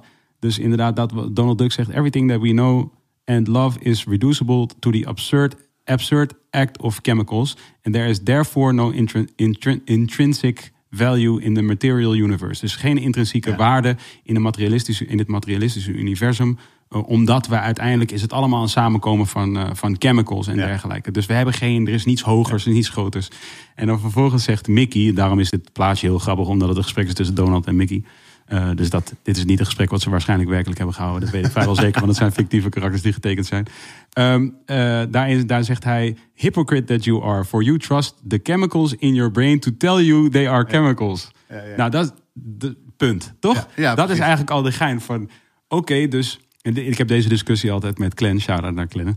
Eh, iedereen heeft natuurlijk wel een mattie die, die super wetenschappelijk is. En al zijn, wat mij betreft, geloof legt in de wetenschap. Ja, ja, ja. Want dat is uiteindelijk nog steeds een geloof. En deze, deze dialoog eh, legt dat heel mooi, eh, vind ik, uit. Namelijk, je moet nog steeds geloven dat dat het dan is. En dat vond ik ook interessant aan wat Tim zei. Die zei, ja, ja, dat is wel een theorie die ik aanhang. Uiteindelijk is niemand verantwoordelijk. Maar vervolgens vertelde hij wel dat hij vond dat hij Ja, ja. goede dingen moest doen. Precies. En toen dacht ik, ja, maar wacht even. Ben jij nou goede dingen aan het doen of zeg je dat niemand verantwoordelijk is? Want als niemand verantwoordelijk is, dan één, ben jij dus ook niet goede dingen aan het doen. Dan ben jij gewoon aan het doen wat je, Ja. whatever jouw organen en jouw...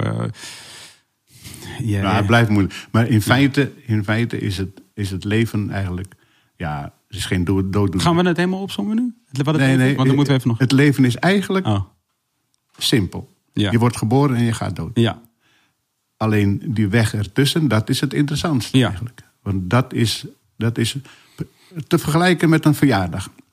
Als volgend jaar 7 september Sun 1 wordt, dan eh, komen we bij elkaar. komen maar. Het is van ja, 7 september, hè, eh, komen jullie. Sun wordt één jaar. Ja. Maar op die dag zelf, dan is het klaar. Mhm. En Dan is juist het- dat jaar weer En dan weer. eh, Oeh, mag ik nog wat zeggen? Toevallig, eh, ik werd eh, op, ook weer op Instagram was er iemand die dus eh, die boos op mij was geworden omdat ik uh, Aquasi support. En toen begon hij allemaal een soort zagrijnig op mij te worden. En toen ging er, en ik had verder niet zo heel veel gezegd, behalve hij zei één keer iets van, toen zei ik, ik, ik eet meneer Patty voor jou. Dat zei ik. En toen, en dat was het. En toen ging hij daar natuurlijk, ging hij me allemaal nog andere dingen vertellen en zo. En toen gingen mensen mij dus vervolgens verdedigen. En toen zei hij, en toen zei hij iets ook dat ik een rapper ben, zoiets dergelijks. En toen ging iemand anders dus een tekst uh, sturen naar hem. Van, oh, dit is een tekst van Jiggy. Weet je wel wat hij allemaal geschreven heeft? Wat heel hilarisch om te volgen als gewoon een soort van twee mensen gaan vechten. en de derde gaat ermee. Nee, ja, en meer. Ik was gewoon aan het kijken van, oh, oh, oh, wat zijn ze aan het doen. En toen gooide hij dus die tekst. En dat was een, een, een tekst die ik op, Jermaine, op een album van Jermaine, oud album van Jermaine heb gerept. En, uh, en daar rap ik. En nu komt het. en dat vond ik namelijk vet, want toen ging ik wandelen daarna gisteren ging ik even een wandeling maken. En toen moest ik denken aan die tekst, omdat die jongen dat had gepost. En toen dacht ik, oh, wel cool. Ja, dit, is nu, dit klinkt natuurlijk weer heel zelf ingenomen. Niet voor jou, want jij kent mij. Maar wel voor andere mensen die mij niet kennen. Maar um, uh, omdat, wat ik zeg van, het is, die, het is een tekening. Een tekst, mits goed geschreven, is niet iets waar je over nadenkt. Het is iets wat gewoon eruit komt, omdat het gewoon is wat je ja, in jezelf hebt zitten. En dan vervolgens probeer je het gewoon op te schrijven zoals je het voelt. En ik had dat altijd heel erg met Jermaine, omdat die lange tijd dat we hier met een kantoortje hadden waar Jermaine. Ja, ja. Die, dan was ik aan het werken en dan zat Jermaine in die studio. En dan soms maakte hij gewoon iets. En dan was ik eigenlijk iets aan het doen. Maar ja, er was natuurlijk soms was het gewoon de perfecte afleiding dat ik dan zei: Oh, hier wil ik wel op rappen. Want dan hoefde ik even niet iets. Ja, ja. Had ik gewoon even zin om iets te rappen. In ieder geval, ik rap op dat liedje. Um, um, dus ik, ik, weet niet meer wat de zin daarvoor is, maar ik zeg dan in ieder geval: tussen twee punten zit, de, zit een boodschap verstopt. Dat zeg ik. En daar moest ik gisteren, toen ik aan het wandelen was, zelf nadenken over wat ik had geschreven. En dus wat ik zei is van eigenlijk tussen twee punten zit de boodschap verstopt. Eén, een zin start veelal na een punt, ja. maar hij eindigt voor een punt. Precies zoals jij nu een verjaardag ja. omschrijft, toch? Ja, ja. Je moet niet het punt wegen. Je moet daartussen. ertussen elk woord dat ik kies. Ja, ja, precies. El, uh, de, wij spreken tot de letter aan toe. Het gaat niet per se om wat de zin zegt en waar het punt zit. Het gaat om de hele opbouw. Als maar ik een specifiek de... woord kies, kies ik dat woord niet alleen voor de betekenis, maar ook voor de klank, ook voor de cadans, ook voor de alle voor alle redenen. Kies maar dat is, de, dat is de essentie van fictie natuurlijk ook, hè? Kijk, je, de dichters hebben dat natuurlijk. Ja, rappers zijn eigenlijk dichters. En uh, je zegt van haast onbewust ga je zinnen zeggen en opschrijven. Mm -hmm. Maar als je tien lezers hebt, dan hebben ze alle tien een hele, kunnen ze een heel ander, uh, anders interpreteren. Jouw, uh, jouw gedicht Ja. of jou. Want, Maar ik ook. want je, je, je bent niet alleen, hè? Je, hebt, je hebt een hele referentiekader achter je. Je hebt uh, misschien pas uh, iemand verloren of er is uh, son is geboren. Dan ga je dingen heel anders lezen. Hè? Dus, dus als tien mensen die allemaal uh, Ja, die- ja, ja. van verschillende leeftijden al. Of van, uh, Dit is waarom we met z'n allen naar een museum kunnen gaan en met, Ja. met honderd mensen naar de Naar Mona Lisa kunnen ja, kijken. Terwijl je, eigenlijk zou je kunnen zeggen: Ja, maar luister, ik kan je gewoon vertellen hoe die eruit ziet. Maar dat is niet hetzelfde. nee, nee. Dus ik denk, ik de Mona Lisa kijk, kijk, denk ik altijd aan mama. Dat is niet waar. Je weet gewoon dat. slijmbal. Ja, ja. Maar, uh, Je hebt je nee, maar, maar dat, dat, dat kan. Hè. Ik bedoel, dat is gewoon, dat is het mooie van. uh, ik, heb op de, ik heb ook MO Nederlands gedaan. En uh, daar was, uh, was een, een docent, hij, Henk Wigé. Hij is helaas overleden. Maar hij zei van ja, je moet uh, die, die gewoon pellen. We gaan nu lekker pellen aan, aan het gedicht. Nou, eerst dacht ik, pellen, waar ga je? ja, net zo'n ui. Hij buiten zijn schil en, en dan ga je naar de kern. Ik denk, oh, dat bedoelt hij. En dan gingen we echt woord voor woord. Hey, Ja. waarom, waarom, Waarom kiest hij dat woord? waarom, kies je dat, waarom zet hij daar geen punt? Waarom, Ja.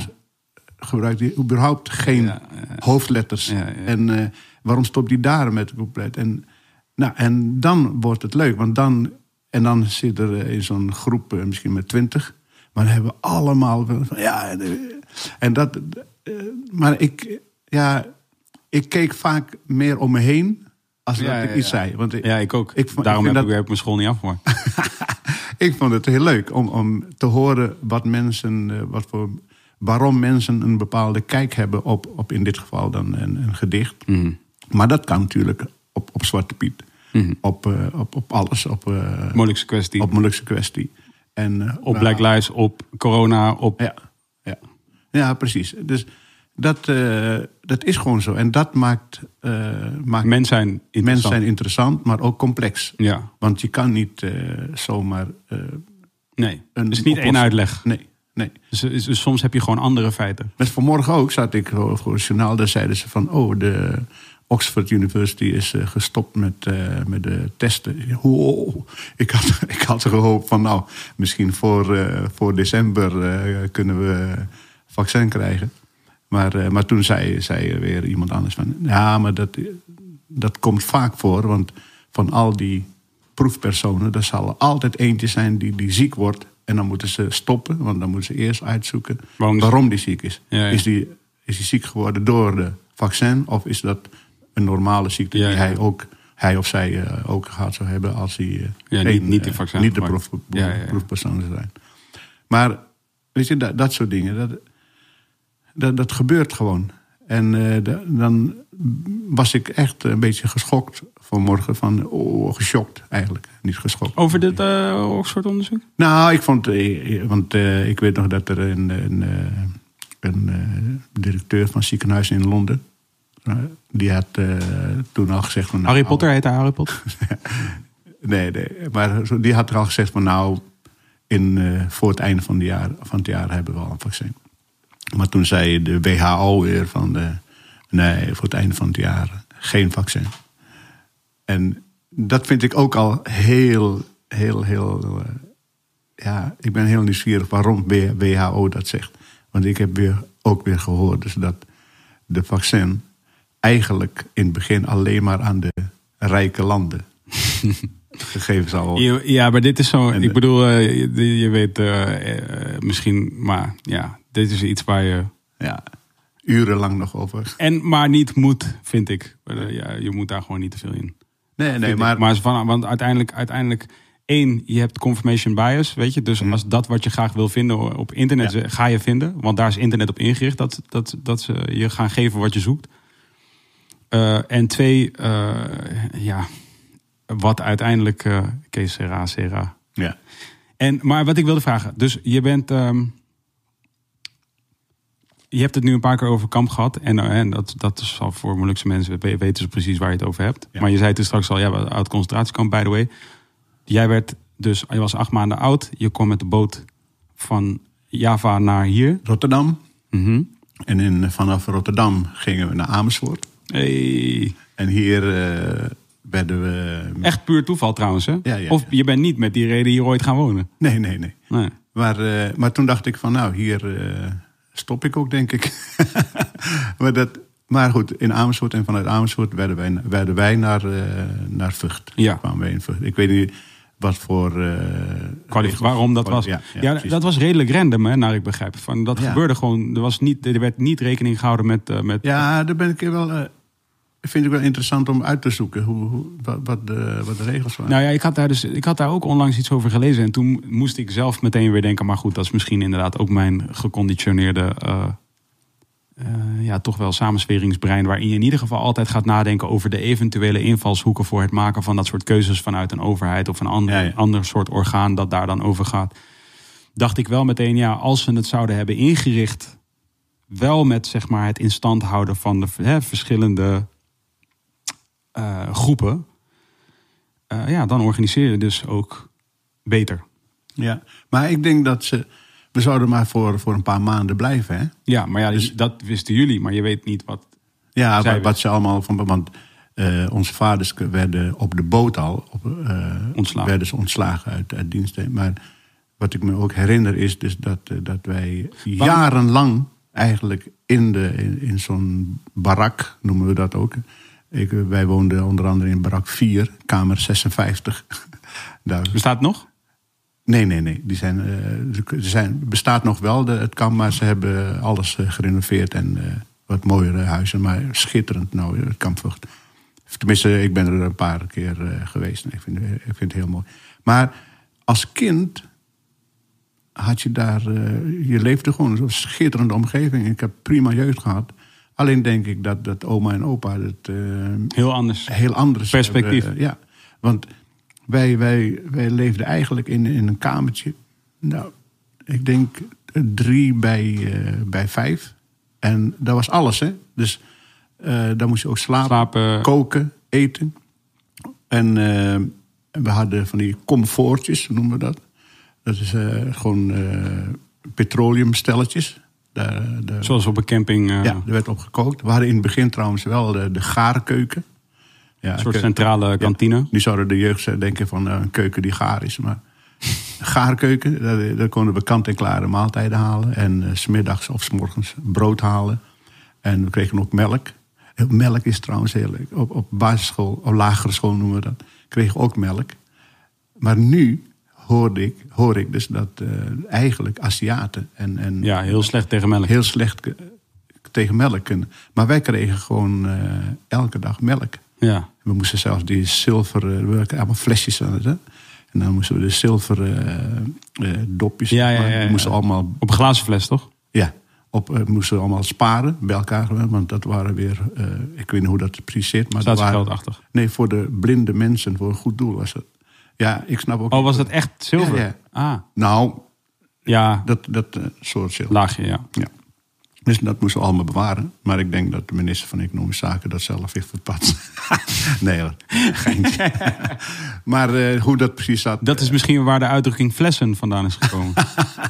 Ja, ja, want nu heb je pakken, hè. Maar goed.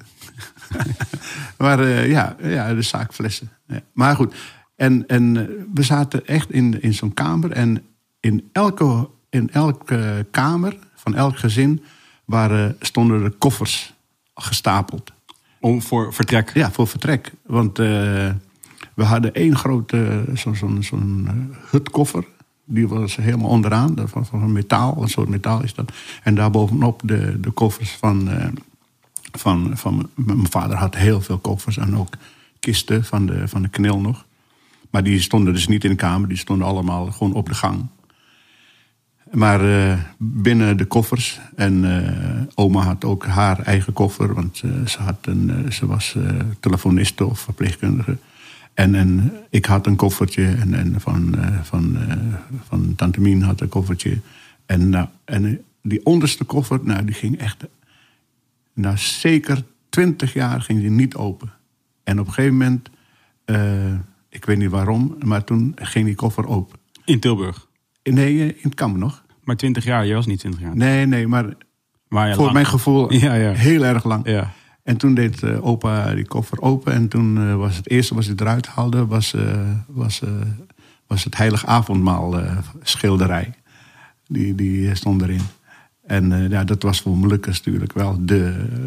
Het geloof was, is, is, is en was bij ons echt heel sterk. En, en er was nog een, een cakey, eh, een cakey uniform van, eh, van opa. En, en zo'n, zo'n, hoe noemen ze dat? Zo'n, zo'n baret. Maar nee, niet een baret, maar zo'n, zo'n, zo'n ja, zo'n militair, zo'n, zo'n soort kano-achtig dingetje. Oh, ja, ja, ja. Ja, ik weet niet hoe ze Ja, dat ja, precies. Maar die, Ja. ik, ik zie die ook meteen zwart-wit voor me, als je begrijpt Ja. wat ik bedoel. Maar eh, nou, dat, is ook, dat staat allemaal in de, in de kist. En, en, en, en een, een, volgens mij een foto van eh, oma van, eh, van eh, mijn vaders kant. Dus nou, dat was volgens mij, wij vonden dat gewoon voor ons schatkist. schatkist. Ja, tuurlijk. Maar voor opa en oma, als ik nu Ja, ja. terugdenk, dan denk ik van nou, Die kist, dat was gewoon een soort symbolisch, die laat je ja, dicht. Die laat je dicht. Ja. En, Dus ook op het moment dat die open ging, was waarschijnlijk ook een soort van handdoek in de ring-achtig. Ja, maar ook van, ja, nou is het eigenlijk tijd dat, dat we het Dat- toch maar openmaken. Ik, weet je, dus ja, dat, dat weet ik nog goed. Dat, maar volgens mij werden, moesten ze wel emotioneel zijn. Ja, natuurlijk. Want eh, ik, ik weet ook nog, ik kan me heel goed herinneren... dat wij in het kamp zaten en dat er eh, zo'n eh, man... die kwam bonk op de deur van kamer 56. En die had een telegram bij zich. Jullie weten wat een telegram is? Dat is een, eh, is een, eh, een equivalent van WhatsApp. Ja, nee, het was, eh, was meer een buzzer. Nee, hoor. dat weet ze ook niet wat dat is. Maar nou, daar stond moeder ziek. En of ze, in ieder geval, toen zei mijn vader, zei opa tegen mij van... Oma is ziek. Nou, hij werd, hij werd echt helemaal gek. Want, en mijn moeder was, was even weg. Dus dat kan ik me nog wel herinneren. Dat hij daar echt helemaal eh, kapot van werd. Nou ja. Dat, eh, dat, eh, dat is zo'n telegram. En toen was je nog jong. Vijf, zes. Ja, ja. Kun je, wat, wat, wat kun je herinneren van wat je wel wist aan dat de omstandigheden waarin je leefde, zeg maar, uitzonderlijk wa- waren? Wat, wat kun je herinneren van momenten dat je registreerde van hé, hey, dit is niet, niet iedereen leeft zoals ik nu leef. Zeg maar. Ja, voornamelijk dus omdat wij in, de, in het kamp een school hadden. We in het kamp de burgerlijke stand. We een eigen kerk. We hadden eigen eh, bioscoop. Want daar was oom uh, Latte Perisa, weet ik nog. Hij was kaal. En ehm, hij is overleden nu. Maar eh, dat was een hele lieve oom. Maar die, die, had, eh, die had toch een bepaalde drang. Of hij was waarschijnlijk in dienst ook al om, om films te draaien. En we hadden, we noemden de toneelzaal. En dat was een heel groot scherm. En eh, voordat hij eh, in de toneelzaal draaide, want wij woonden op een gegeven moment tegenover hem, mochten we hem in zijn huis, in zijn kamer, nog even zien. Dat liet, dan draaide hij de film even af om te kijken of het. Nou, en toen eh, gingen we in de toneelzaal. En dan was een soort bord, publicatiebord van hedenavond. Film. Mm. En de films gingen vooral dus over gevechten tussen KNIL en, eh, en, eh, en RI. Dus eh, de, de, Maar fictie, eh of de fictie. Waarschijnlijk ja. fictie. Dus niet, niet, geen documentaires, Nee, maar, maar echt films. En dan zaten wij als kinderen ook van... oh, maar we wisten natuurlijk altijd van... de. Nederlanders en de, de, die, die knil wint altijd. Maar dat was het. En de was eerste, de Rambo avant la lettre. ja, ja. En ook de, de eerste Tarzan-films, dat draaide hij ook. En eh, dat vond ik altijd heel, heel, heel apart. En eh, ja, ik vond het ook leuk om Latte Prisa was een hele, dat is om Messak. Wij, eh, hij heette Messak. En hij woonde tegenover ons. En, maar toen ik hem nog niet goed kende, ik was ja, vijf, zes jaar. En, maar hij was kaal. Hij had alleen maar zeiken, net als ik, hè. Ik was kaal. Maar hij, dus iedereen noemde hij hem Botak. Botak is eh boldheden. Mhm. Dus eh, ik zei eh, op een gegeven moment tegen hem: eh, Om Botak, welke film? Hij werd kwaad. toen, dacht, toen dacht ik: Oh ja, Botak. dat was achter zijn rug om. Ja, ja, dat was gewoon, gewoon een scheldwoord. En hij zei: Sapa bilang om Botak. Nou, dus hij, hij werd kwaad. Toen dacht ik: Oh ja, dat kan ik natuurlijk niet zeggen. Ja, dan moet ik, moet ik ook weer denken aan een ander verhaaltje. Er was, eh, was eh, opa thuis en eh, we zaten op de Mulo. En toen deed een van, van, van die Je hebt op veel scholen gezeten trouwens. Ja, de- dezelfde Mulo.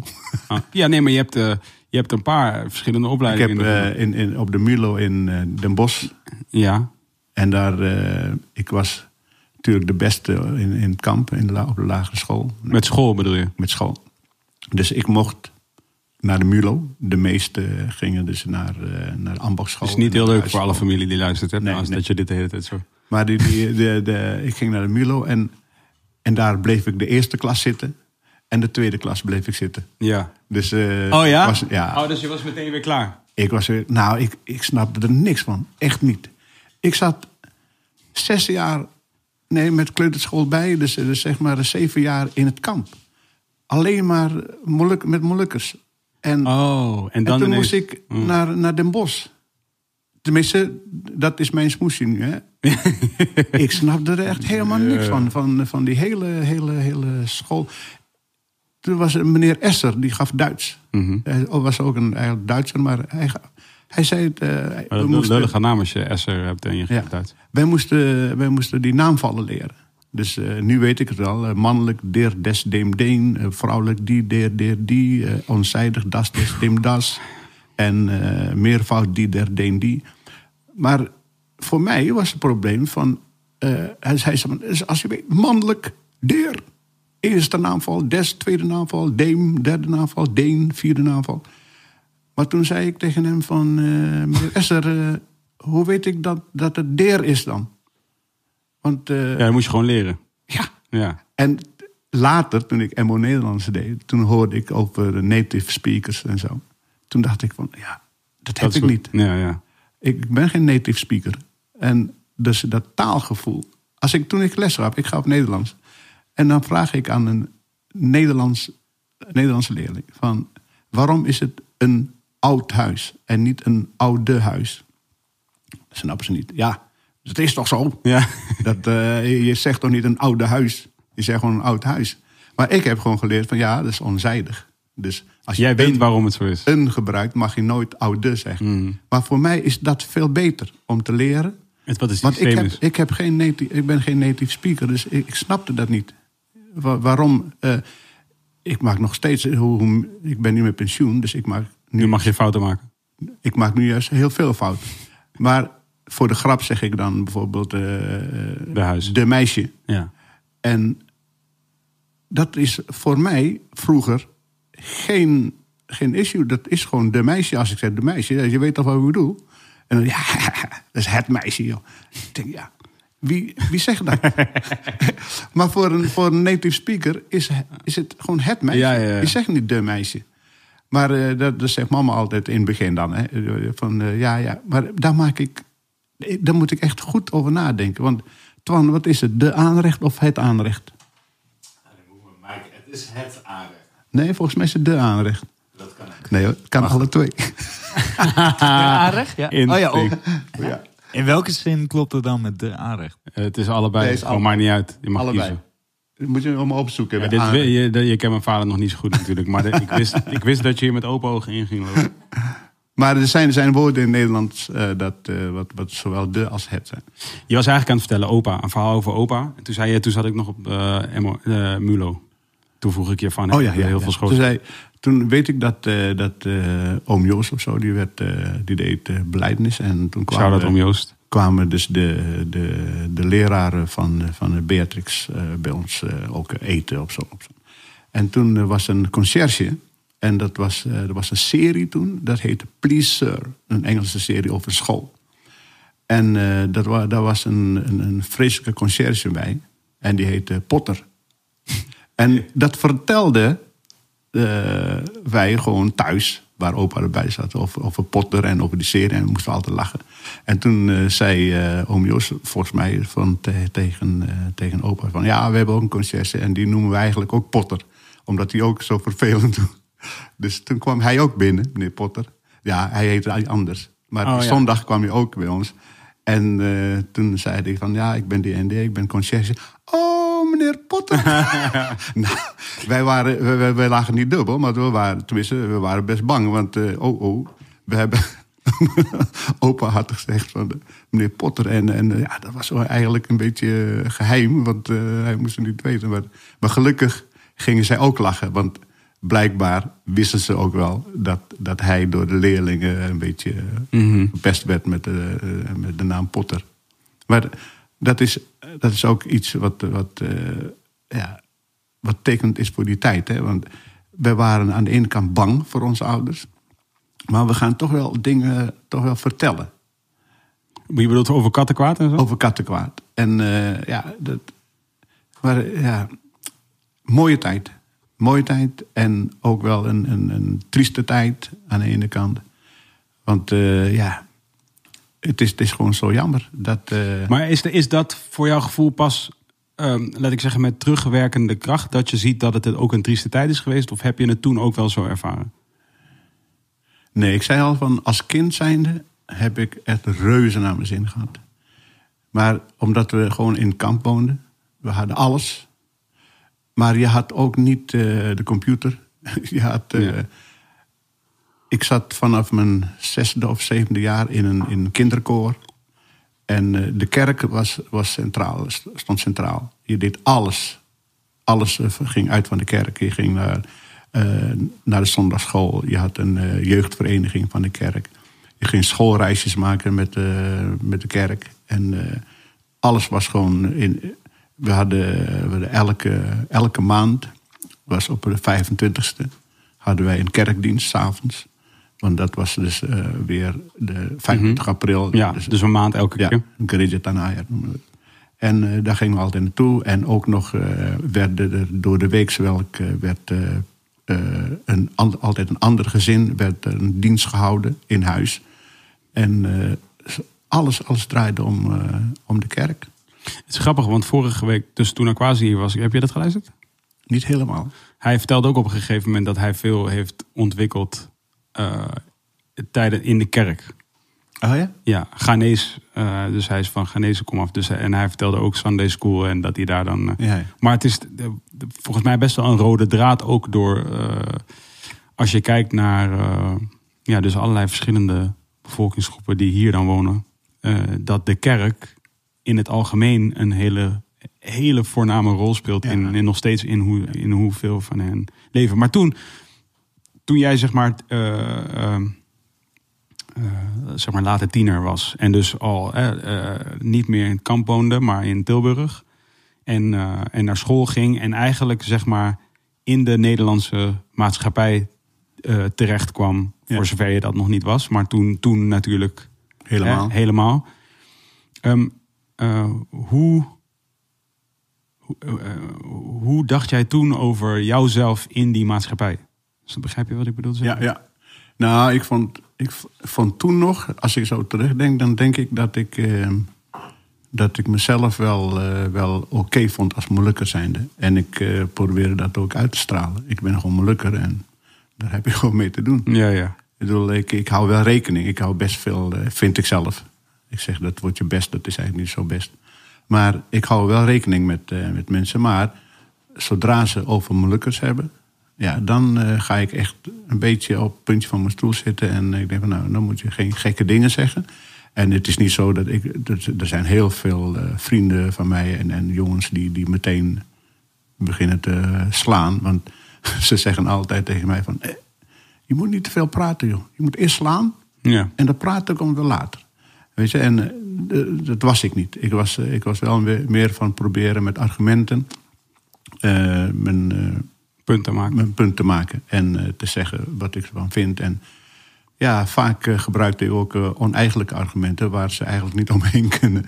Dat, ik, want, ja, dat, dat vind ik wel belangrijk wel hoor. Want daar begon ik mee. Hè, van als mensen jou niet leuk vinden of niet eens zijn met iets, maar dan moet je juist gaan praten. Vragen. Wel, waarom waarom eh, vind je dat niet goed en waarom vind je dat niet leuk en eh, waarom ben je er tegen? En zo kun je dus met argumenten mensen gewoon eh, op een ander idee krijgen. Of zij krijgen mij op een ander idee. Dat, dat krijg je natuurlijk ook. Dat heb je, die kans loop je ook. Maar daar sta ik Dat is ook goed. Ja, Ja. daar sta ik ook open voor. Als mensen mij kunnen overtuigen dat ik ongelijk heb. Ja, ja dan moeten ze wel heel goed zijn. maar ik sta er wel open voor. Ja, ja, ja. Dat vind ik ook prima. Maar dus je was eigenlijk best comfortabel in de, in de, zeg maar in de Nederlandse samenleving. Ja, ja het, het is. Het is eh, eh, ik, ik heb je wel eens verteld van eh, toen ik werkte. Wat, wat mij eigenlijk, en dan komen we een beetje in de, in de, in de, in de, in de, in de variatieverhalen van Zwarte Piet. Dat ik altijd toch een beetje zenuwachtig werd na de grote vakantie. Want dan kwam ik op school en er waren altijd wel collega's. En die, nogmaals, die, die menen het hoogstwaarschijnlijk niet zo, maar die zeggen tegen mij van, oh, zeker lang in de zon gelegen. en dan kijken ze om zich heen, dan denk ik van, wat een lul ben jij. Eigenlijk zou ik je nou een map moeten geven, maar als ik een map geef, nou, dan heb ik het gedaan. Ja, ja, ja. Eh, en, maar dat, dat soort dingen, weet je, dan, dan, eh, ja, dan, ik merk ook wel dat als ik eh, boos word, dat ik eigenlijk niet goed kan eh, argumenteren. Beargumenteren wat, ik, wat mijn. eh, dus daar probeer ik te passen. Van rustig blijven. Probeer tot tien te tellen. En ja, soms, hoe ouder je wordt, hoe beter het gaat. Omdat je gewoon zwakker wordt. maar weet je, en, daar, daar baal ik soms van. Verder heb ik een prima tijd gehad. Je, ba oh, je baalt van, Van- dat, van dat, dat dat soort die dingen gezegd werden. En gewoon van hele aardige collega's. Want Ja, ja, ja. ik, ik, ik mocht er wel zijn en eh, ze vonden me allemaal wel aardig. Maar na die zomervakantie, het is net alsof mensen eh, niets te zeggen hebben. En ze denken, ah, Michel is er. Ja, nou, dan kunnen we weer een grapje van vorig jaar, jongens. Eh, lang in de zon gelegen. Ja. Ja, dan, dan- maar goed, ik, ik werd daar niet kwaad. Maar ja, want je was natuurlijk in die tijd, eh, zeg maar in de jaren de 70. 74 begon ik. Ja, want dat, dus nogmaals, want nu komen we eigenlijk bij waar, waar ik begon bij de geboorte van Danielle 76 en dus vi- eh, 74 en 78 de twee verloren WK's. Maar, dus, eh, eh, maar ook dus een tijd waarin ehm, er nog niet per se heel veel gekleurde mensen in Nederland woonden. Nee, dat vond ik wel, vond ik wel tof trouwens. dat dat zo was. Want ik weet nog dat ik, toen ik les gaf, Mhm. waren echt heel weinig buitenlandse leerlingen. Tenminste, buitenlandse leerlingen, gekleurde leerlingen. Ja, En eh, ja, dus ik, werd, ik was de enige die, die eh, gekleurd was. En nog een vrouwelijke collega, die kwam uit de Antillen. En eh, nou, we hadden het prima ons zin. Want eh, wij waren voor de kinderen dan het voorbeeld van... oh, een donkere eh, Persoon. persoon kan ook lesgeven. Ja. En Snap ook eh, heel veel over Nederlands. En over, zij was docent Engels. En later heeft ze nog een, eh, een graad gehaald in eh, pedagogiek. En, eh, nou, maar toen kwamen de. Ik weet nog goed dat er een, een Surinaamse jongen kwam. Toen dacht ik, shame on me. Van, oh, jammer. een donkere. oh, concurrentie. Ja, nou, niet concurrentie, maar ik hoop toch dat hij goed is in, Oh, ja. in zijn prestaties.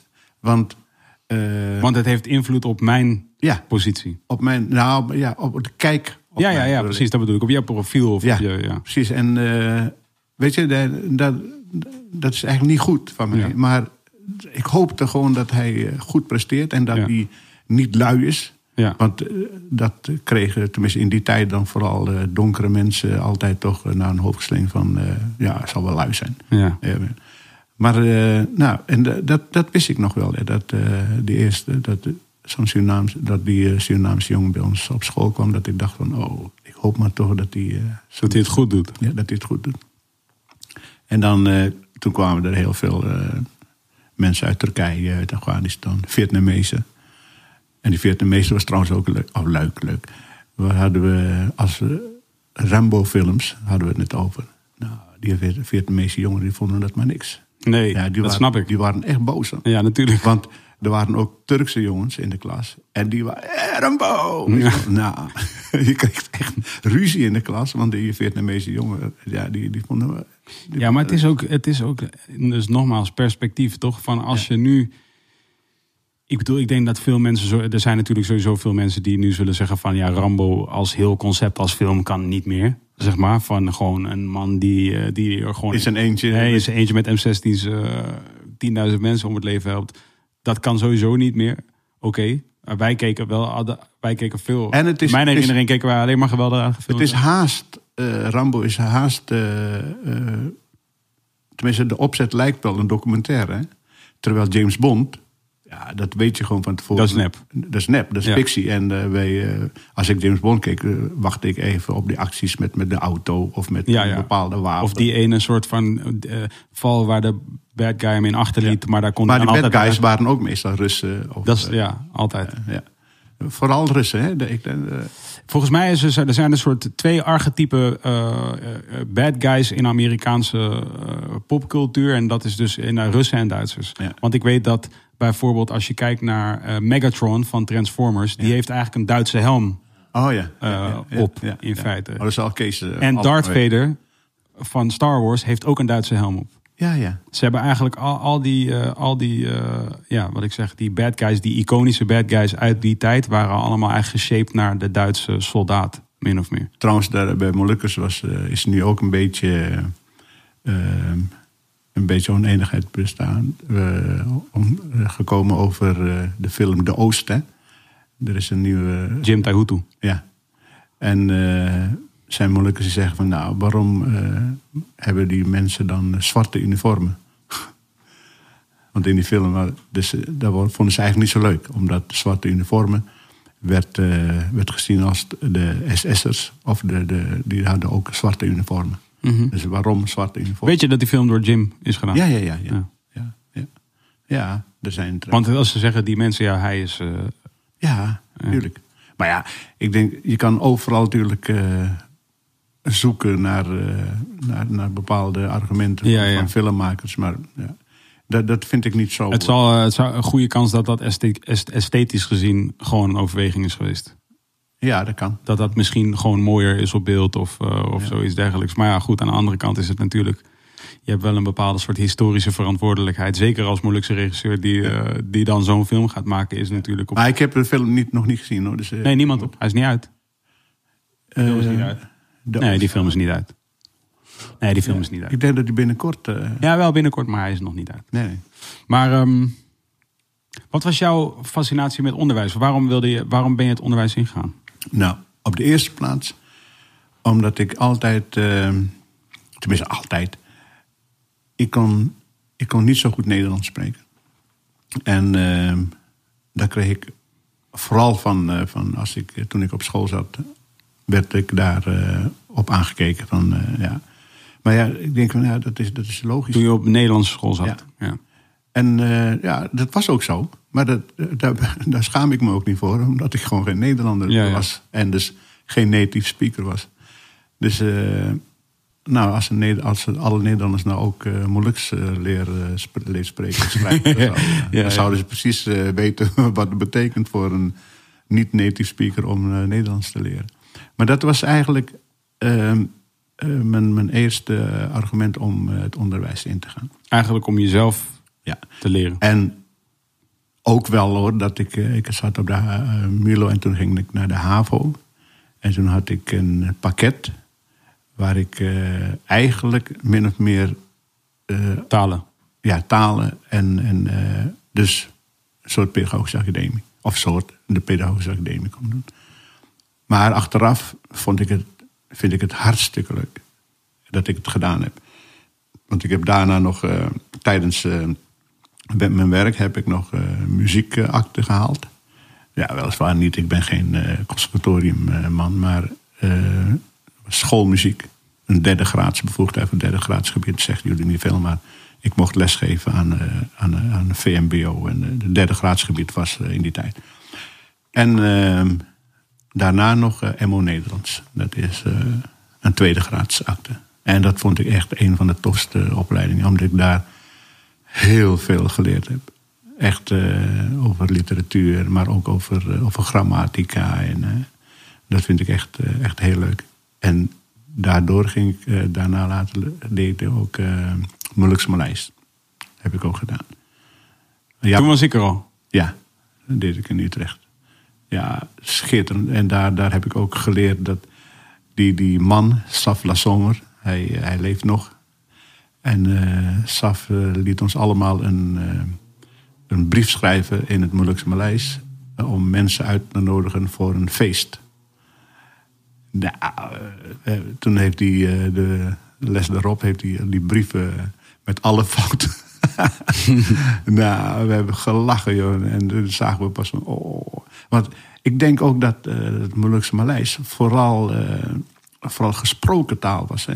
En niet geschreven. Ja. Want in de kerk werd, werd in Hoog Maleis gepreekt. En onze Bijbel werd ook geschreven in, in vrij Hoog Maleis. Ik noem het maar Hoog Maleis omdat het best moeilijk is. Maar het, het echt, eh, noemen ze de, de Markt Maleis, Passar Maleis. Dat spraken we met elkaar.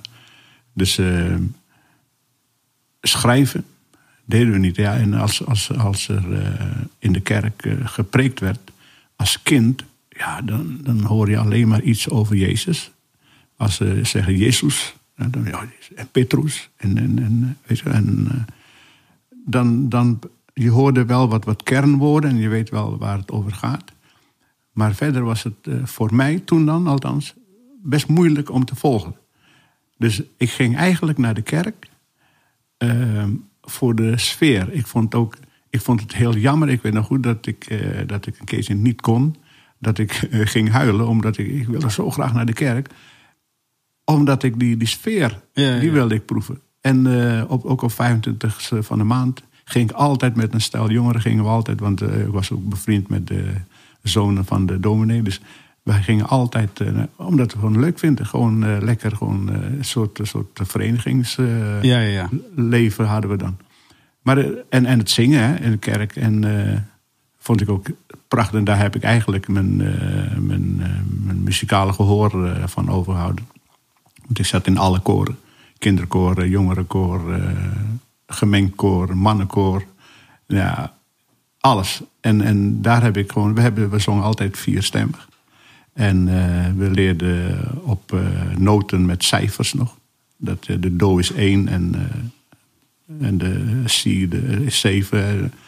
Dus, en dan leer je dat gewoon eh, twee keer eh, oefenen we in een week. En dan ging je zondag eh, naar de kerk zingen. Uitvoeren, ja. Ja, schitterend. Een mooie tijd is dat. Maar ja, je had niks anders. Je, en toen kwamen de, in, in, de, in het kamp eh, best goede bandjes. Maar dan praat ik al over de jaren zestig. Met de, met de 5G's van Jimmy Martin. Jamie, eh, shout-out naar Jimmy. Die is nog laatst de, Jimmy. De, ehm, hoe dat, de Voice Senior eh, gewonnen. Oh ja? Ja. Ja, ja, hij was de eerste, in de eerste uitgave van eh The Voice eh, Senior heeft hij gewonnen. Maar die eh, was de vijf, wij zeiden altijd de vijf G's. En toen zei de Engelse leraar bij ons op de, de Beatrix of meneer Groenendijk, van, nee, het is niet vijf, Vijf G's. J's zeker. Vijf J's. Ja, want G is G. Toen dachten we, oh, zeg het maar, maar wij weten het beter. maar goed, wij noemen altijd 5 G's, maar het is inderdaad 5 J's. Maar eh, nou, dat was, nou, we gingen overal, ze speelden overal in, in, in Brabant. En eh, ja, we hadden natuurlijk geen geld. Dus als het echt ergens in de buurt was, in Bokstel of in, in, in of, dan gingen we altijd met de fiets naartoe. En dat, eh, dat was een leuke tijd. En ook een andere groep van meer familieleden, was de Insiders. Ja, schitterend, schitterend. Even eventjes eh, zeg maar terug naar, eh, naar nu eh, mijn zoon. Eh, hoe zou jij zeggen, dit alles wat jij nu verteld hebt... Twee vragen eigenlijk. Eén is, wat, wat van dat alles, van, van jou, van, van nul tot... want het is natuurlijk een enorm verhaal waar, je, waar, waar we nog veel meer over kunnen uitdiepen. Maar wat van dat alles heb jij bewust of onbewust ehm, meegegeven aan Danielle en mij? Eh, en, en waarom? Nou, bewust is vooral dus ehm, dat ik jullie niet echt ehm, de godsdienst heb doorgegeven. Dat is bewust. Omdat ik vind dat. eh, maar dat komt gewoon omdat ik denk dat ik veel gelezen heb en veel gestudeerd heb. Dat ik vind dat, ehm, dat jullie dat zelf moeten, moeten uitvinden. En eh, ik heb ook om me heen gezien dat, dat eh, godsdienst ook niet alles is. Want negen van de tien oorlogen gebeurt eigenlijk door, eh, door godsdienst. En dat vind ik, eh, vind ik een van de redenen waarom ik eh, bewust niet. eh, ik heb wel een Bijbel thuis, dat weet je ook al. Maar eh, dat was eh, wat opa en oma hadden, hadden daar denk ik wel eh, verdriet van gehad omdat ze hadden ook, ze vroegen aan, aan, aan mama en aan mij, vooral aan mij, dat is van, waarom laten, hebben jullie je kinderen niet laten dopen? En toen, toen al was ik van bewust van, nee, dat doe ik niet. Dat, eh, dat moet ze maar zelf. Vond je dat moeilijk om zeg maar tegen heel- hun ja, wil in te gaan? Het voordeel is dus dat ik buiten de gemeenschap eh, woonde. Hè. Ik weet zeker dat als ik in een wijk woon, waar eh, heel veel Molukkers nog doen, hè, en, eh, dat, het, dat de druk dan Groter. hoog- groter is. Ja. Maar dat is, dat is bewust. Ook al omdat ik vind dus dat ik met mama, en mama moet er ook mee eens zijn natuurlijk. En mama heeft ook niet zoveel leuke herinneringen aan, eh, aan, eh, aan godsdienst. Zij is eh, van huis uit is, katholiek. Maar als ze praten over, over dat ze moest biechten, bijvoorbeeld. En ze moesten nuchter naar de kerk. En mama vertelde wel eens dat ze dan op hun knietjes op die plankjes moeten zitten. En dan viel ze altijd flauw, omdat ze gewoon honger had. Maar ja, dat, dat, Oh ja, want nuchter voor de duidelijkheid, Ja. dat betekende niet, niet drinken of blowen, maar het betekende niet eten ook. en niet eten. Ja. Want eh, ja, dat zal wel ook met, eh, met geloof te maken hebben. Dat, Ja. eh, je moet dus Ja, ja, een beetje geconcentreerd. Ja. En, eh, maar ja, dus dat. Dus mama had ook niet zo veel. ik snap trouwens wel nu, want nu met, met Sunny dus heb ik nu in 48 uur geleerd dat als, ik, dat als je wil dat hij goed even zijn borstvoeding doet, moet je hem even een beetje oncomfortabel maken. Want als hij te comfortabel Ja. bij die borst ligt, dan valt hij gewoon in slaap. ja, dan vraagt hij een anders maken. Ja, ja, dus ik, ik zag het al. Dus toen heb ik dus, toen zei ik tegen die kraamhulp, ik zei van, eh, want, want Charlotte zei, tijd, hij valt tijd- hij valt in slaap. Dus toen zei ik, misschien moeten we die sokjes, zo sokjes uit, dingen. Ah. En toen zag je gewoon, van, als hij dan oncomfortabel werd, dan bleef hij wakker. Wel zagrijnig, maar wel wakker. En Anders dan, eh, als je hem helemaal in een dekentje en allemaal dingen, dan eh, ja, ligt hij de hele tijd te slapen. Ja, maar de- dat, dat is ook, vind ik, een van de, van de, van de wat posi- positieve dingen van, eh, De kerk? Van de, van de, nou, van de, van de moslims Oh. vooral. Hè? Ja, Ja, de kerk had dat vroeger ook hè, in Nederland, de, het vasten. ja, We ja. hebben nu denk ik ja, meteen aan carnaval natuurlijk. Ja, ja, maar die eh, 40 dagen is eigenlijk, eh, ja. Maar eh, kijk, als je, als, je, als je voelt wat honger is, dan pas eh, Ga je waarderen. ga je waarderen dat je, dat je eten hebt. En eh, dat is met, met heel veel dingen zo. Ja, hè? want dat is heel symbolisch voor alles eigenlijk. Daarom vond ik, wij hadden het niet breed toen ik als kind eh, opgroeide. Dus we hadden een potje jam. We waren met z'n elf kinderen thuis. En ja, dat deden we echt heel, heel dun. Heel dun over, over een boterham. En een boterham is niet één snee, maar altijd op elkaar. Want ja, dan heb je toch twee sneetjes op met jam en met boter. Want als je alle twee met jam en boter, ja, dan eh, had je broertjes of zusjes ook niks. Of andersom, hè, als zij. Dus dat soort dingen, dat. eh, dus, jij vindt wel dat ik te veel eet. Hebben we het daarover gehad? Maar dat, dat, is, dat is eigenlijk. eh, Ding, zit ik denk van, waarom, waarom, waarom eet ik zoveel? Ja. Dan denk ik van, nou, waarschijnlijk is het compensatiegedrag. Ja, ja, ja. Ik, dus, maar ik waardeer het wel. Dus als Om te eten. Ja, maar ook Maar dat e- zie je ook wel. eten weggooien, Ja, ja. Dat doe je niet. vreselijk. Ja, ja, ja. Dan, dan eet ik me liever... eh, Maar daar zit natuurlijk wel weer, en daar wilde ik het helemaal niet per se... Kunnen we het nog wel een keertje over hebben, maar... Als je weet dat je eten niet wil weggooien... Moet je niet te veel koken. Ja, ja, tuurlijk. Dat is een, eh, dat is een wij- wijze les. Ja. Dat is ook een metafoor. Ja, ja, ja. Maar dat is, eh, dat, maar ja, weet je, dat is het, eh, het punt ook dat wij vroeger eh, niet zo breed hadden. Ja, ja. En ik weet nog goed, ik wilde als, als, als jongen op de lagere school, er was een, een in zo'n gids was altijd een advertentie van een gitaar. Die kon je bestellen.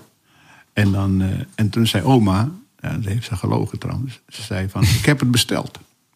Dus ze ging elke dag in de pauze van een kwartier sprint ik naar huis om te vragen van, is hij er al? Ah, En zei oma, nee, mijn hart. nog niet. Ja. En dan, dan denk ik, potverdikkie. En ja, maar gitaar was natuurlijk hartstikke duur. Ja. Dus ik, zeg, ik, ik denk alleen maar, je denkt altijd van je ouders kunnen dat eh, betalen. Ja. Dus, eh, maar, en zij had gezegd dat, dat ze besteld had. Dus eh, ja, dat, dat vond ik. Nu denk ik van. Dus ik ben wel blij dat met mijn kinderen eh, vrij aardig gaat. dus daar, daar ben ik wel blij om. En maar ik, voor mij is het. En daarom ook eh, dat ik eh, van kleins af aan eigenlijk geprobeerd heb altijd te werken. Ook in mijn, als, als student heb ik in, in, eh, bakkerijen gewerkt en in kranten rondgebracht. Als kind van 7, 8 jaar gingen we in het kamp, kwamen er zo'n bus aan. En die, iedereen die aardbeien wilde plukken, die mocht in die bus. En we gingen dan met z'n allen zo in een bus. Gingen we ergens in bij, bij Volkel of zoiets. Gingen we aardbeien plukken. Dan had je, nou, s morgens tot, tot s avonds kwam je thuis en had je 57 of zo. Ja, dat was vroeger best veel. Mhm. Maar ja, ik, ik, wilde, ik wilde niet, één ding, ik wilde niet arm zijn. Ik wilde dat, dat ik gewoon lekker kon leven. Ik hoef niet superrijk te zijn, maar ik wilde niet dat... eh, De zorgen van geen ja. geld. ja, van geen geld. Dus eh, ja, en, en eh, ik weet nog goed, de kinderen van mijn leeftijd dan, eh, die, die dit ook horen. Maar we gingen met de fiets, gingen we vanuit het kamp, gingen we naar Vlijmen en naar, naar Nieuw, Nieuwkuik, dacht ik. eh, al die plaatsen daar in de omgeving van, van, van het kamp, en ook in Tilburg trouwens, gingen we bessen plukken of eh aardbeien of, of nou, van alles, uien snijden. En alleen maar om, om wat te verdienen.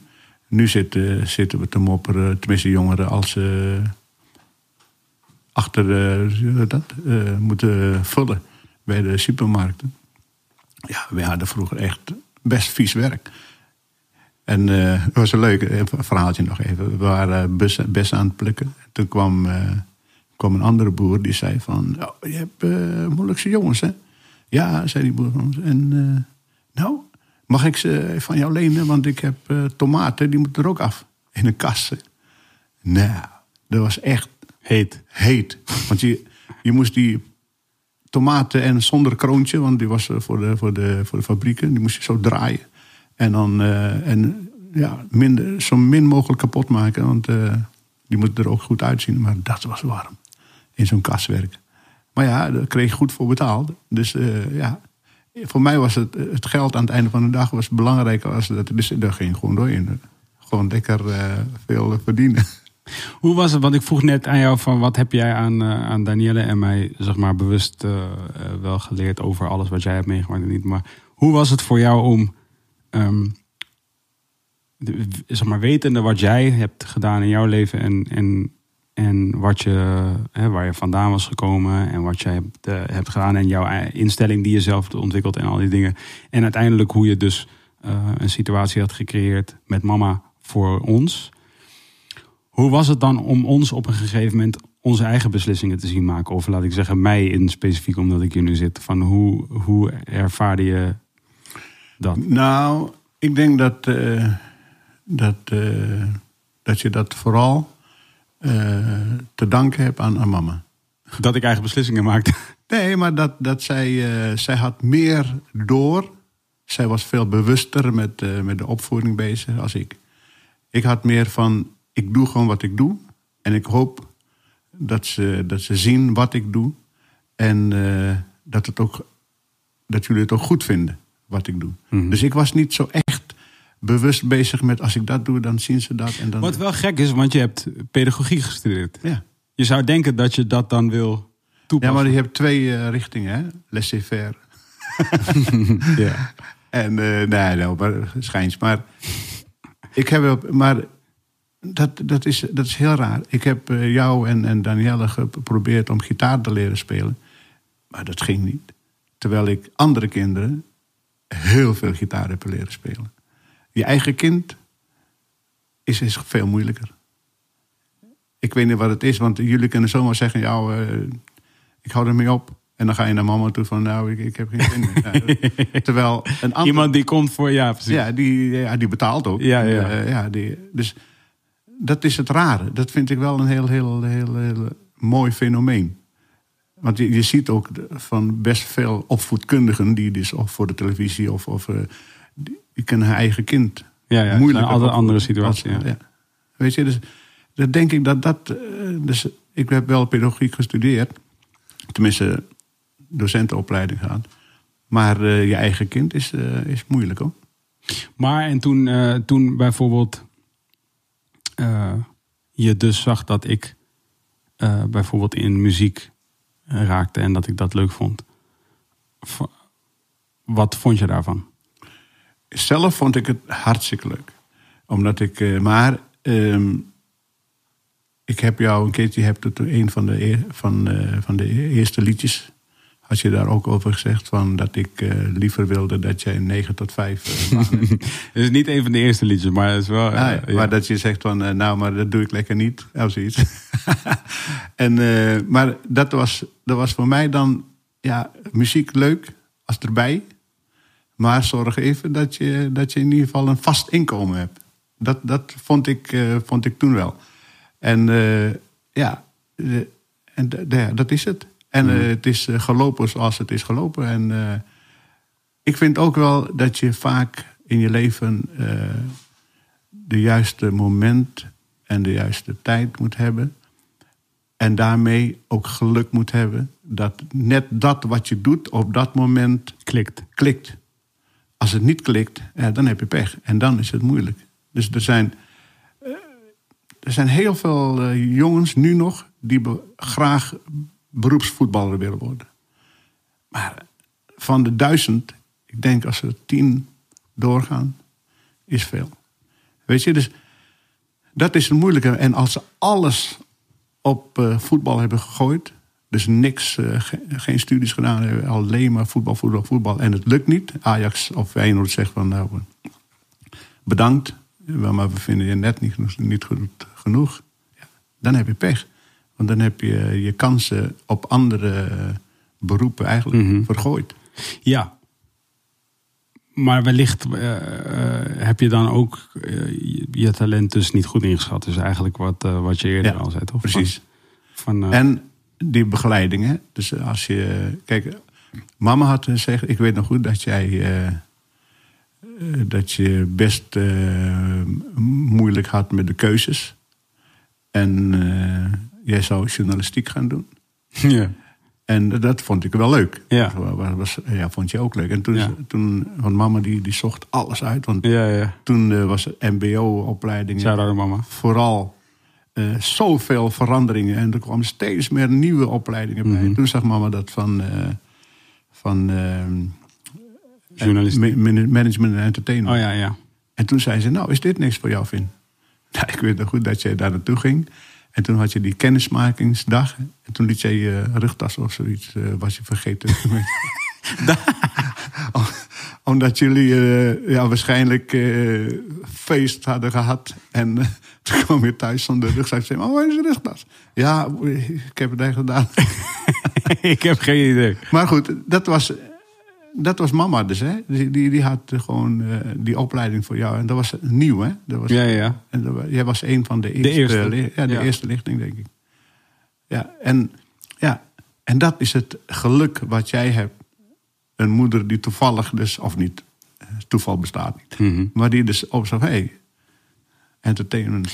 Maar ja, dus dat is eigenlijk de. Want dat is wat ik denk dat wat het, in het talentverhaal, wat ik hoop. En ik, ik, ik bedoel, nu ga ik het zelf moeten bewijzen of ik, of ik dat aandurf, snap je? Met, met je eigen kind. Omdat ik denk dat dat inderdaad een enorme uitdaging is. Maar als je die. Niet de luie weg, maar wel de weg van de minste weerstand. Of zo, de, daar waar je natuurlijk gezien heen beweegt. Als je die, ik denk dat die weg is, dat is je weg. Begrijp je wat ik bedoel Ja. te zeggen? Dus uiteindelijk tussen ehm, dat ik eh, eh, liever basketbalde dan voetbalde.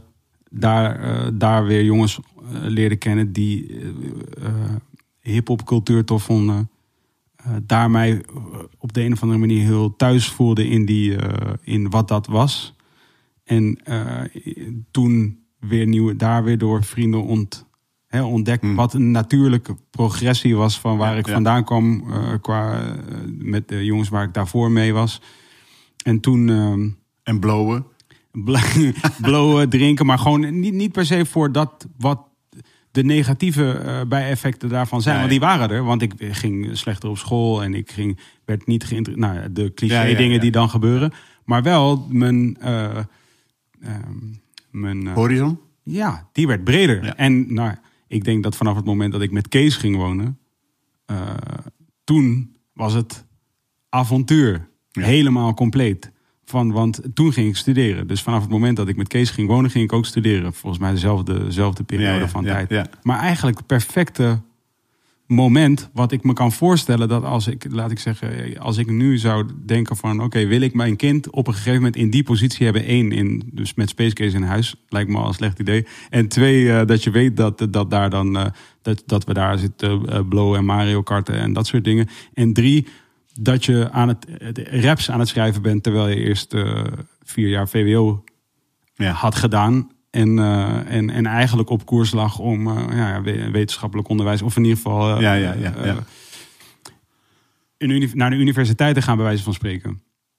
Dan zou ik nu zeggen, nou ja, nee. Maar achteraf gezien kan ik zeggen van ja, dat is precies het pad wat voor mij eigenlijk er was. En Ja, waar, ja. waar al mijn wat, het talent wat ik had, Die richting ging. was precies daar. En daarom hadden wij, wij, wij vonden het ook jammer, ja, voor mensen die luisteren, die, die weten toch niet wie te zijn. Maar wij vonden het eigenlijk jammer dat jij toen met Willem Sander en Ja, ja, ja. met eh, Casper, Ja. want die, die, die zijn allemaal, eh, Willem Sander is nu eh, Die is universiteit gaan doen. Ja, maar die is nu, eh, Ik weet niet wat hij... ja, volgens mij advocaat of zo. Ja, kan nog. En en Casper had ook. eh, dus, maar toen ging jij met andere jongens eh, om. Die dus eh, inderdaad de hip-hop en, de, en, de, en de muziek en de RB en zo. En dat, eh, ja. We, we lieten wel jouw eh, gang gaan. Maar mama was wel de, steeds degene die, die, die wel de. Zocht naar manieren om... die, waar dat proces kon- wel in de gaten hield. Ja, ja, Van, eh, dat het niet te gek ging. Maar ja, dus nogmaals, eh, je hebt heel veel aan je moeder te danken. dat ze zo, eh, zo, zo ja, zoveel kijk heeft en, en zin had om. Maar dat komt ook omdat zij, dus van huis uit, ook eh, nooit echt de kans heeft gehad om dingen te, Te doen die, ontwikkelen. die zij echt wilde. Want achteraf gezien had ze, had ze nog inderdaad veel, eh, veel meer kunnen betekenen in de, in de, in de maatschappij en, en voor haarzelf. Maar goed, dat is. eh, maar ja, dat, dat, zo is het leven. Dat is, dat, dat is het mooie van het leven ook. Dat zei ik al, van je wordt geboren en je gaat dood. En daartussenin, nou, dat is gewoon schitterend. Het is gewoon open boek. Letterlijk en figuurlijk, dat je, dat je gewoon niet weet waar het naartoe gaat. Dus als je één... eh, want hij gaat dit dan kijken op een gegeven moment. één, le- één les voor, eh, voor Sunny. Als hij dit ooit ziet. Sun, doe alles waar je lol in hebt. En doe alles met plezier. En, eh, want de, dat, de, de, de serieuze, dat komt vanzelf wel. Je komt er zelf wel achter. Want eh, daarvoor heb je ook ouders dan, hè. Die dus jou wel de, de, de signalen moet geven. En de, en de, de, de hele referentie of de kaders moet aangeven waar je, waar je kan eh, bewegen. Maar vooral doe alles met eh, plezier. Dat is ook altijd mijn, mijn doel geweest met het lesgeven aan leerlingen, vooral muziekonderwijs. Ik ga ze niet, eh, ja, ik ga ze niet eh, over noten en, en, en, en allerlei dingen leren. Maar ik, ik laat ze Liedjes zingen. liedjes zingen en plezier maken. In, want ze hebben al wiskunde en ze hebben al, eh, al eh, talen en biologie en natuurkunde. En dan zouden ze bij muziek ook nog moeilijke dingen krijgen. Nee, ik laat ze gewoon zingen. En ik, ik, vond, ik vind zelf zingen ook hartstikke leuk. Dus leerlingen die luisteren, nou, jullie weten het, eh, altijd zingen. En eh, meester Patty, eh, pakt u uw gitaar. Ook toen ik, toen ik eh, Nederlands gaf, willen ze altijd dat ik met mijn gitaar... ja, maar is schitterend. Ik, ik vind, ja, nee, ander onderwerp, maar ik vind het onderwijs echt hartstikke leuk. Ik moest denken aan een van de eerste lessen. Kwam ik pas van de academie af. En toen eh, gaf ik les aan een huisartsschool. En eh, toen hadden we geleerd op de opleiding van... nou, als je kinderen een beetje eh, wil activeren... dan eh, moeten ze allemaal een opdrachtje schrijven. En dan eh, moeten ze in een, in, een, een potje gooien of een doosje. En dan moeten ze om de beurt komen. En dan pakken ze een briefje. En dan moeten ze het lezen. En dan moeten ze het hardop lezen. Een briefje dicht. En dan moeten ze precies uitvoeren wat op het briefje staat. Maar wist ik veel, die kinderen hadden mij ook genoemd. En eh, die kinderen hadden geschreven van... eh, meester Patty moet op zijn bureau gaan staan... met zijn benen wijd... en moeten wij doorheen kruipen. dus ik dacht van, potverdikkie, wat nou hè? Ik zeg, nou ja, niet flauw doen. Ik heb die opdracht gegeven, dus ik ga het doen. Dus ik ging mijn boek en zo even opzij... en ik ging op het bureau staan, mijn benen wijd... En, eh, en die kinderen allemaal doorheen kruipen, allemaal lachen. Toen stond de directrice, die stond bij het raam. die keek zo naar mij. en eh, toen dacht ik, wow. ja, de laatste leerling was geweest en eh toen gingen we zitten. En toen, het einde van de les, toen kwam de directrice. Michel, willen straks even bij me komen? toen zei ze, ja, dat kan toch niet? Ik zei, ja, daar heb ik geleerd om. Maar de kinderen hadden natuurlijk wel lol. Die, die, die, die vonden het hartstikke leuk. Maar ik denk ook vanuit. Toen, dat zijn leermomenten, ook voor de docent. Het is, het is gewoon. Ja, dat soort dingen, dat moet je gewoon niet meer doen. Vrije opdrachten. Maar het was wel een leuke tijd. Het is heel, heel leuk, heel leuk. Onderwijs. Ga naar huis. Oh ja. Zo hé. Tijdmachine. tien voor tien. Ja, ja. Nou, hartstikke leuk. Ja? Ja, heerlijk. Ja, de luisteraars hebben niet eh, echt iets interessants gehoord over eh, als Aquasi of als eh, Tim Hofman. Nou, dat weet ik niet. Dat weet ik niet. Dat gaan we zien. Dat gaan we zien. Maar leuk, leuk. Dankjewel voor het komen. En ehm, we gaan nog een keertje, we gaan nog allemaal andere uitge... Ik heb allemaal plannen nog. Oké, Uitgebreidere documentatie. oh, mooi. Mooi. Twan, dankjewel. Ivo, dankjewel. Het is Wilde Jongens. de podcast. Bedankt. Jullie waren wel erg stil. Peace. Ja, dank jullie wel voor het luisteren. Het was weer reuze. Ik hoop dat jullie je allemaal extra revolutionair voelen na dit seizoen en ook na specifiek deze aflevering. Ehm, en als je dat doet, ga dan even naar petje.af slash wilde haren. Support ons daar door een kleine donatie te doen of door een beetje merchandise te kopen eh, onder de knop shop. En wat je ook kunt doen is ons volgen op de socials en ons supporten langs we zien jullie snel bij het volgende seizoen Wilde Haren podcast.